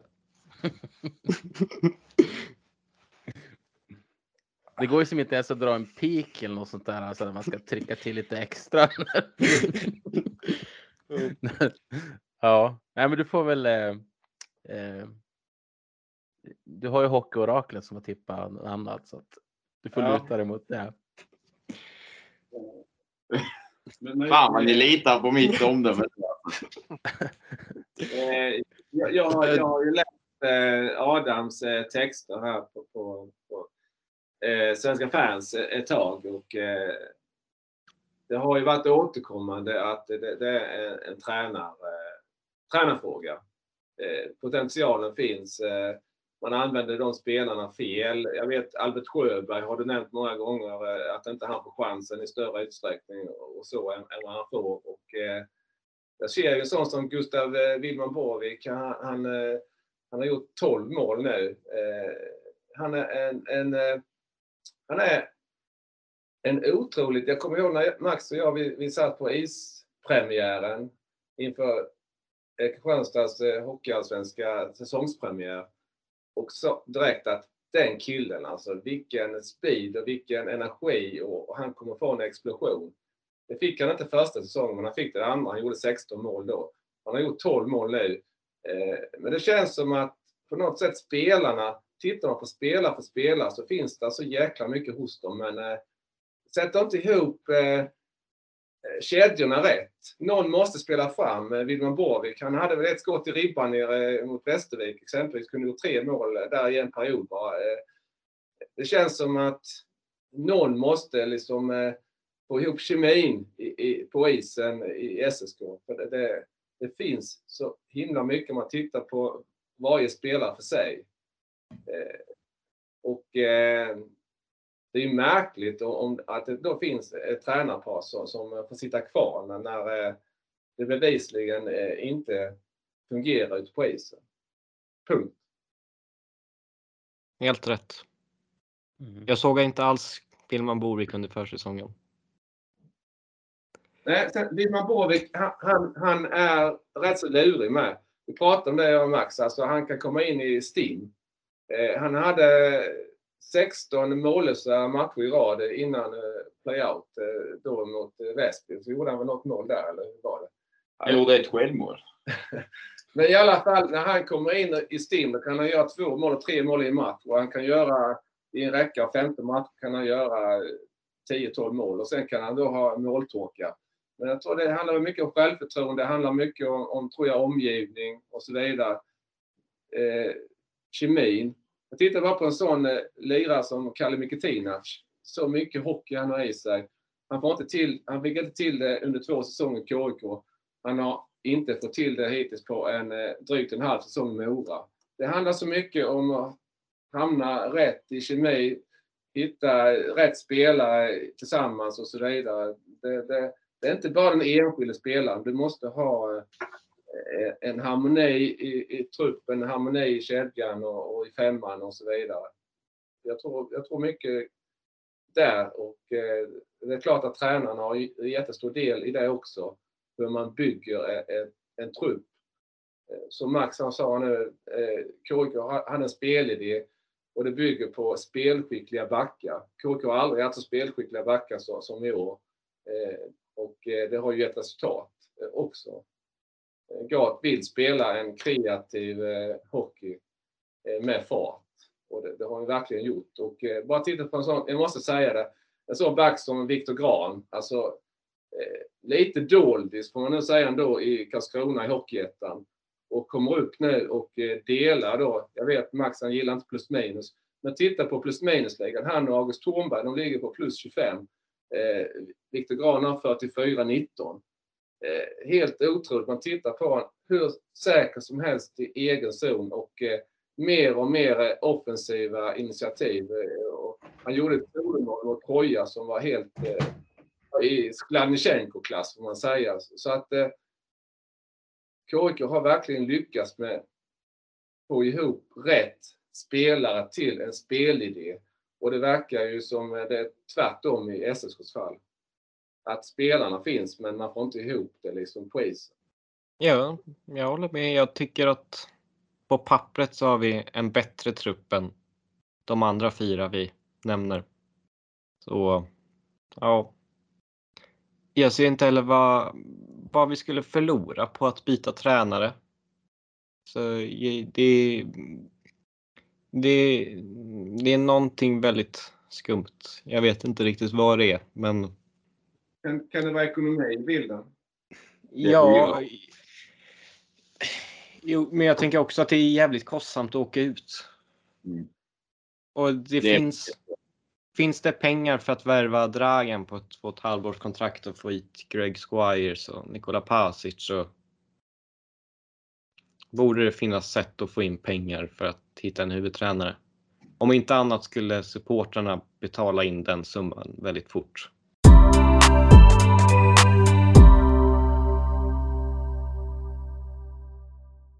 Nu har vi spelat in i två timmar. Ehm, vi, har, vi har inte ens kommit till lyssnarfrågorna. Ska vi ta någon eller?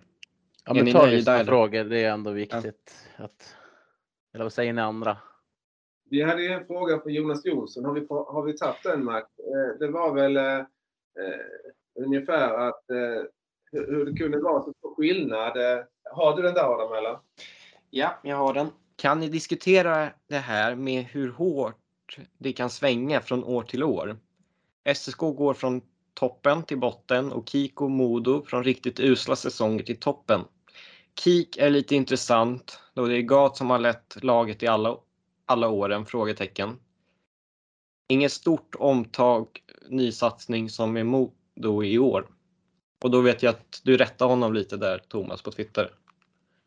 Ja, eh, för det är ju ett rejält omtag. Eh, målvakterna, jag Kalle Klang hade ju gärna behållit. Eh, han gick ju tillbaks till Rögle som han var säsongslånad från då.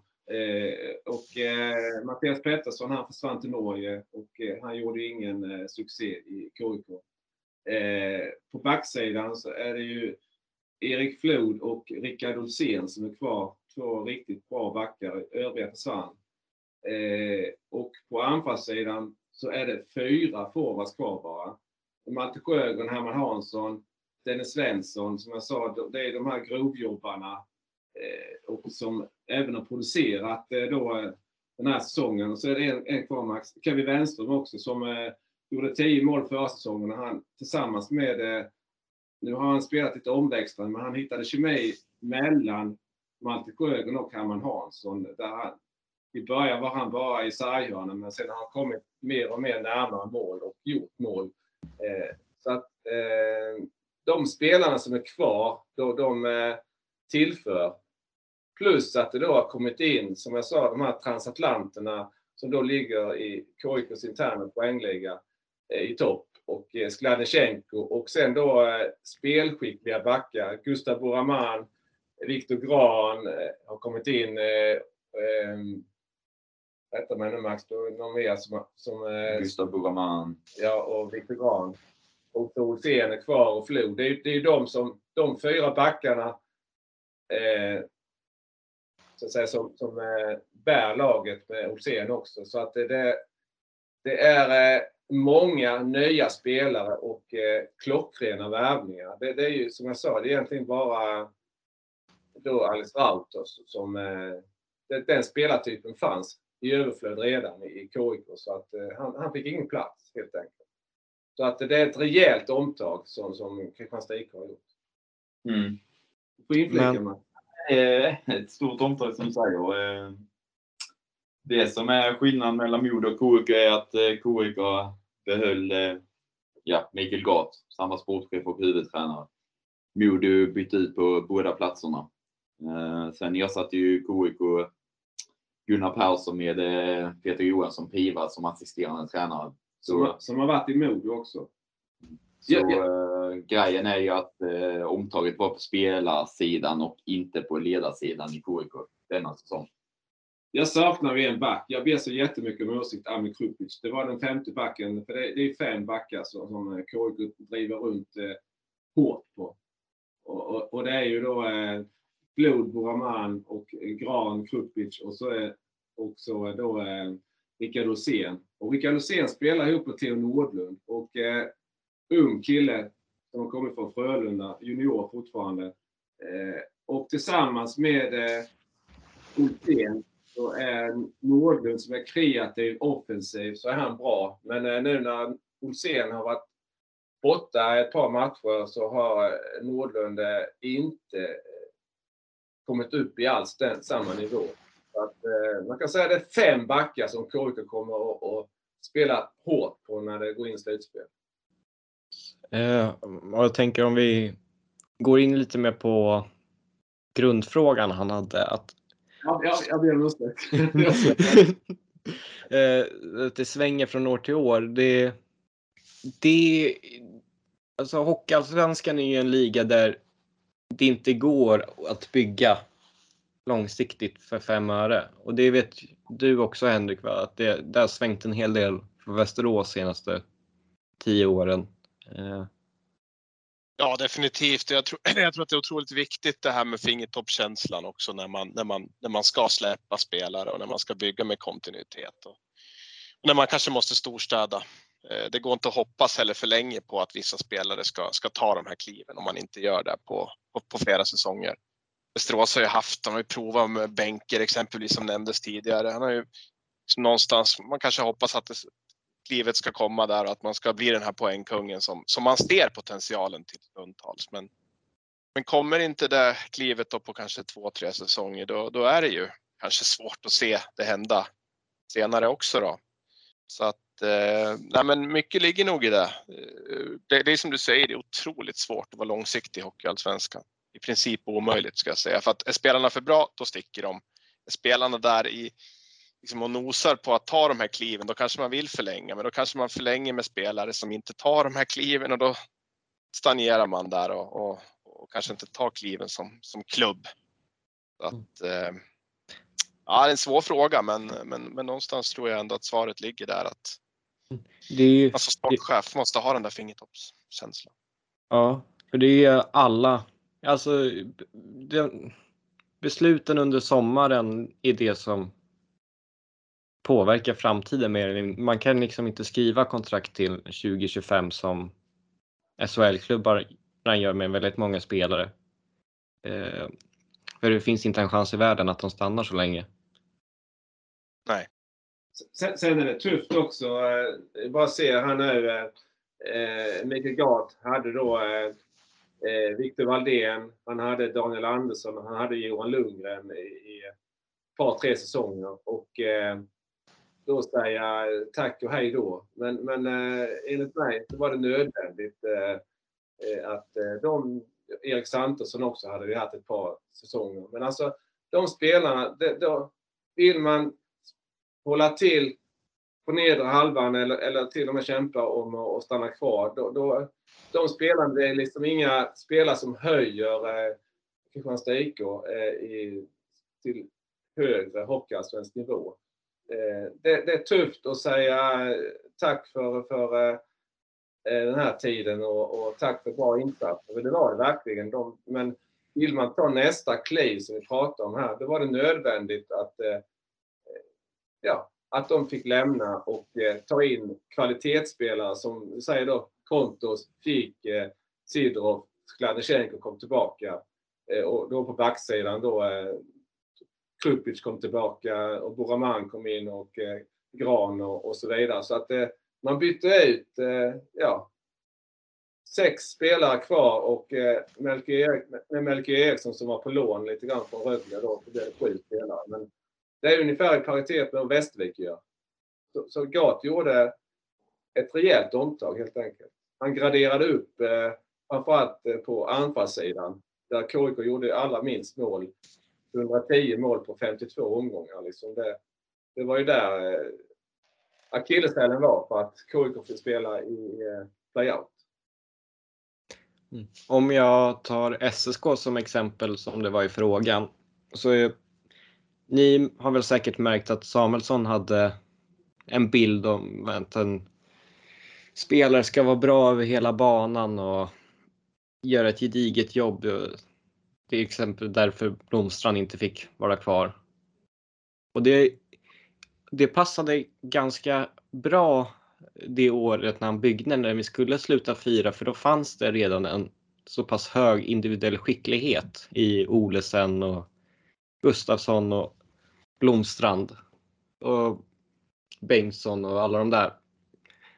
Men eh, och kompletterade det med till exempel fjärde kedjan som var väldigt mycket med Kai Lainen, Aronsson, Dahlström. Emil Alba var mycket bättre i fjol än vad man var i år. Men sen i år när de spelarna försvann, han ville inte ha Blomstrand. Eh, Gustafsson till Växjö, Olesen till Brynäs.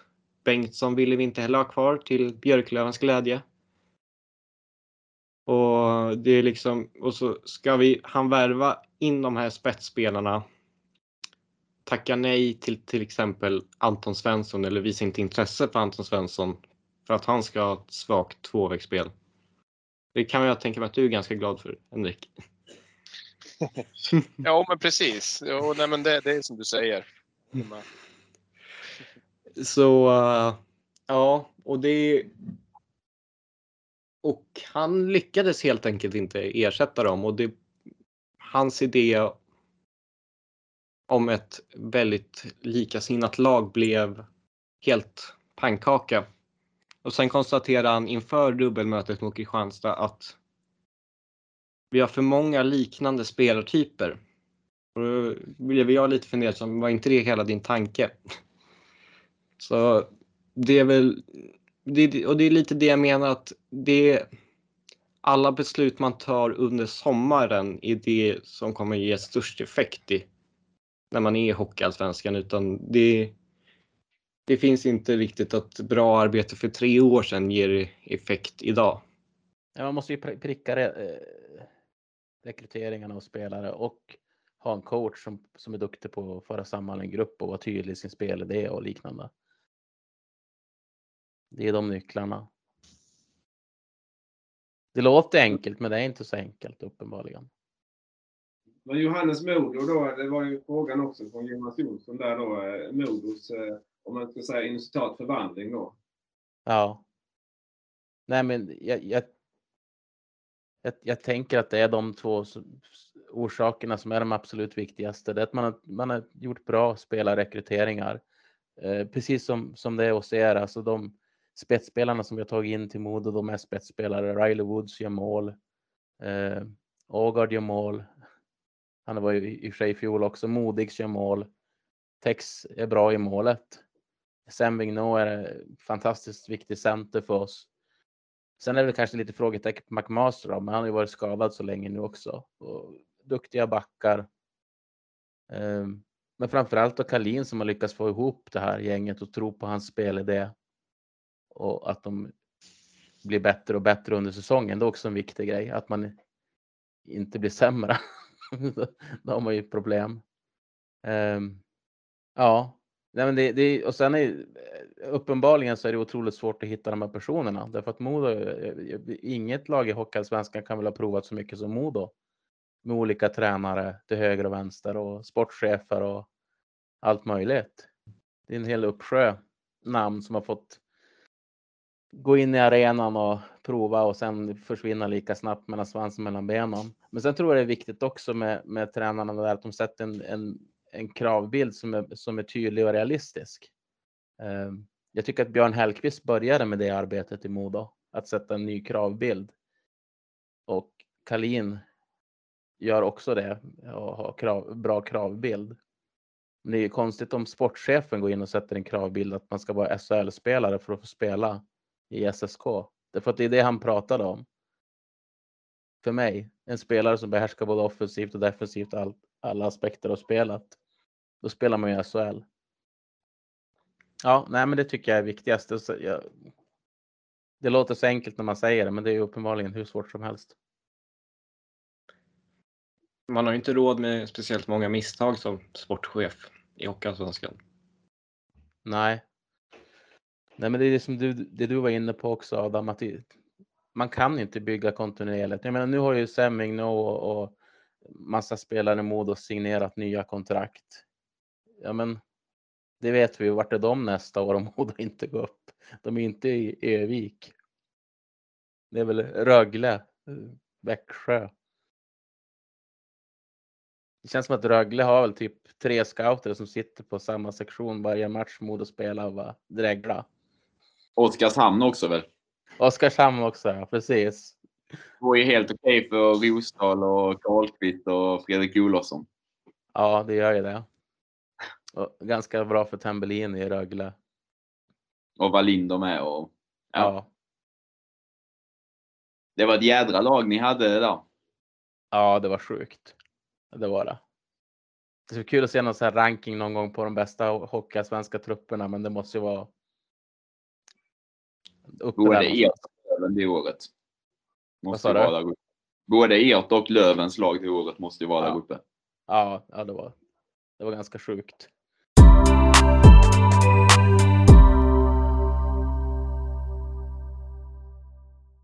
Karl på Twitter lyder så här.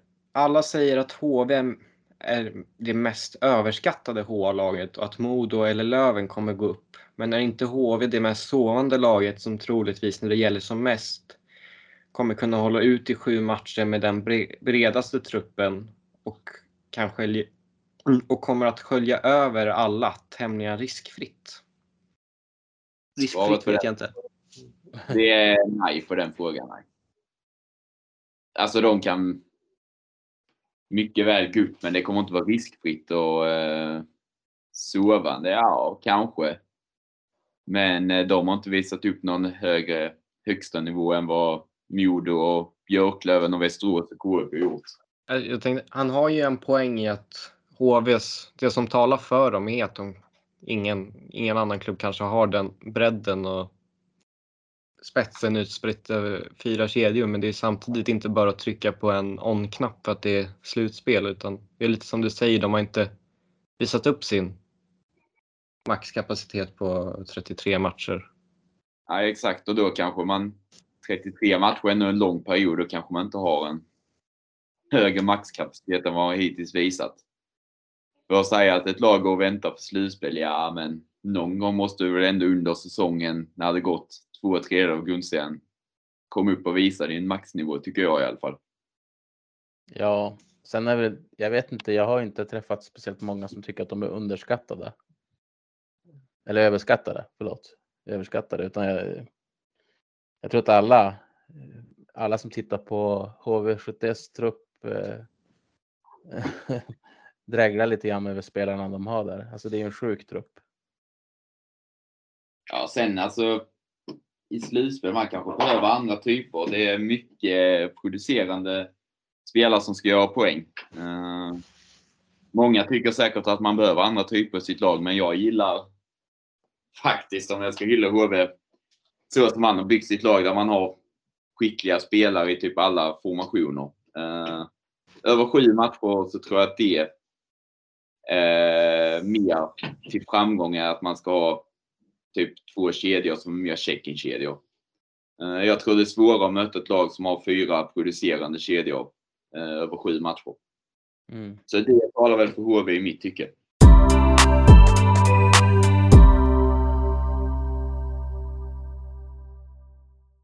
Och sen om vi går vidare så är det en som har bett oss, jag har inte namnet, men en som har bett oss ta ut en drömfemma från Hockeyallsvenskan. Ska Det vi ta en, man- en spelare var? Jo, det blir bra. Jag kan väl börja med Johan Gustafsson i kassen då. Eh, Då säger jag Rickard Olsén på backen. Då säger jag Viktor Grahn på backen. Det blir ett KIK-backpar. Johannes?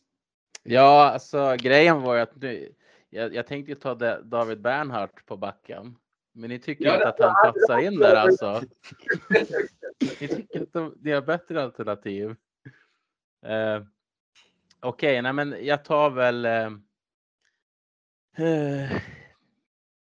oj, vad svårt det här var nu. Nej, men jag tar ta Mikael. Ågård. Vad sa du? Du kan ta tre backar om du är så defensiv. Ja. Kan du in Bernhardt också? Nej, nej men jag, jag kör på Mikkel Ågård eh, framåt. Eh, Han får vara forward. Ja. Eh, Sam Vignor. Jag tycker han är extremt bra. Ja. Eh, löjligt bra faktiskt. Och då är det en forward kvar. Ja. Jävla Peter att han inte var med.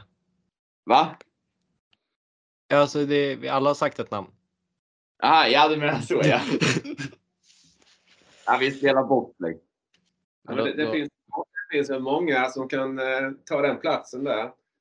Eh, Eh, Jag säger, om jag får flika in med ett namn till så säger jag Fredrik Forsberg. Ja. ja, han hade jag på min lista, så absolut. Mm. Då får vi med lite HV här också. Då har vi med en från Västerås och två från KIK och, eh, Två från Modo. och två från Modo. Och, Mm. ja, och en från HV71. Ja, Ja. man, man ska ju kunna det så, man så- byta ut Ågård och ta in Frycklund. Alltså det är, det är så många duktiga spelare man kan. Jag gick så mycket på Modospåret. Ja, jag var så förvirrad när ni tog backplatserna. Jag blev, jag blev förvånad när Adam sa Rickard Rosén där. Liksom. Men det, ja, men det, jag gillar det. Han har väl läst min hyllning. Men inte en enda SSK-are. Ja, men vi har ju kvar. Där kan vi ju ta Bosic och alla. Ja, egentligen. Alba kan ju lika gärna vara på tränarplatsen för det är han som står med taktiktavlan under timeouten. Årets tränare då, hittills? Det måste väl vara Gat? Ja, Karlin är väl med där uppe och Ja, det är Karlin de är absolut där uppe. ja. Sportchef. Mm. Gat. Ja, Ga- Gat han, eh, han prickade ju bara fel på egentligen på, eh, på Rauter då. Eller Georgsson i Västervik. Ja, Han lyckas ju fasen året då. ja. Och nu säljer han Powell för 700 000 och får Benko för 150. Det... Han är väl egentligen bästa sportchef i Allsvenskan året efter. Ja. Men SSKs första val ska han inte vara. Nej, han är för bra på det.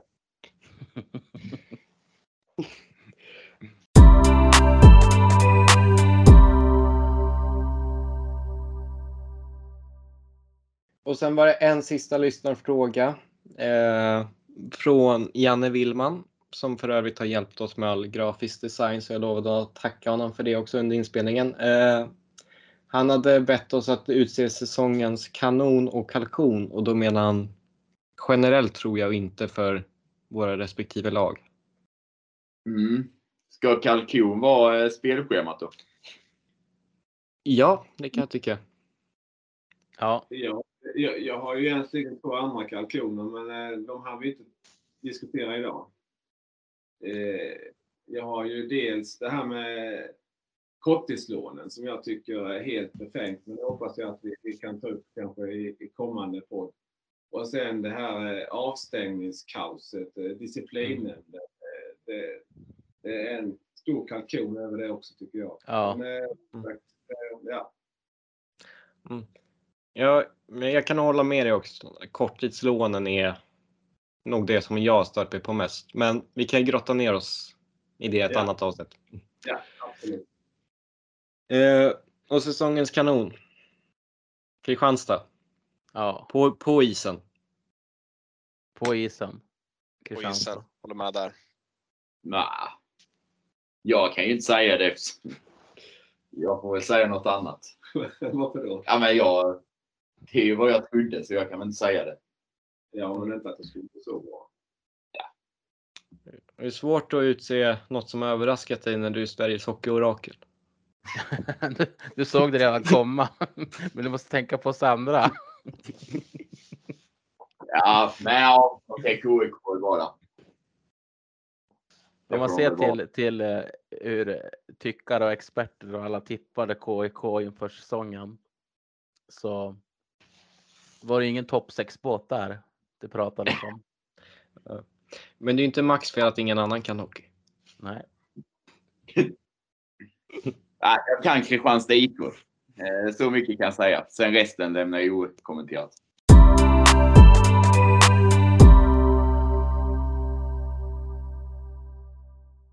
Hur kändes det här? Vad tror ni? Blir det succé? Eh,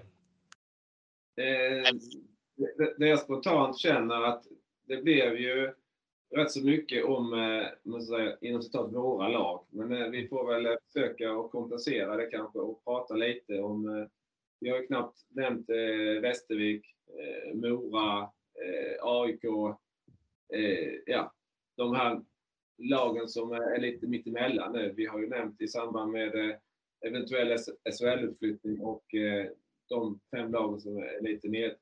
Hästen eh, nämndes ju bara i förbifarten eftersom vi sa att de, de eh, kommer ju att klara sig ifrån eh, playout.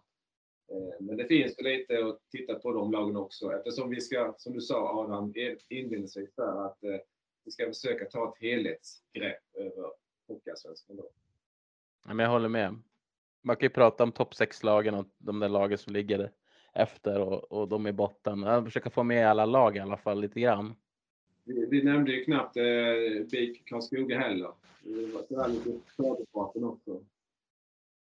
Precis. Så det finns att, att prata om. Ja, 14 stycken. Ja. Och du, hur känd- tyckte du det kändes Henrik? Jo, men det var det ju två och en halv spännande timmar absolut och det finns ju otroligt mycket att prata om som, som sagt. Så vi, vi får väl göra om det här tids nog. Eh, förhoppningsvis ganska snart då. Men det känns väl ändå ganska naturligt att börja med sina lag. Lite Absolut. varma i kläderna första gången. Mm. Jag tror vi hade säkert kunnat prata hockeyallsvenskan i åtta timmar till. Då rundar vi väl av. Mm. Så vi får tacka så mycket för att ni har lyssnat och kom gärna med feedback eftersom det var första avsnittet så uh, hörs vi förhoppningsvis snart igen. Hej då! Hej då. Tack. Hej då!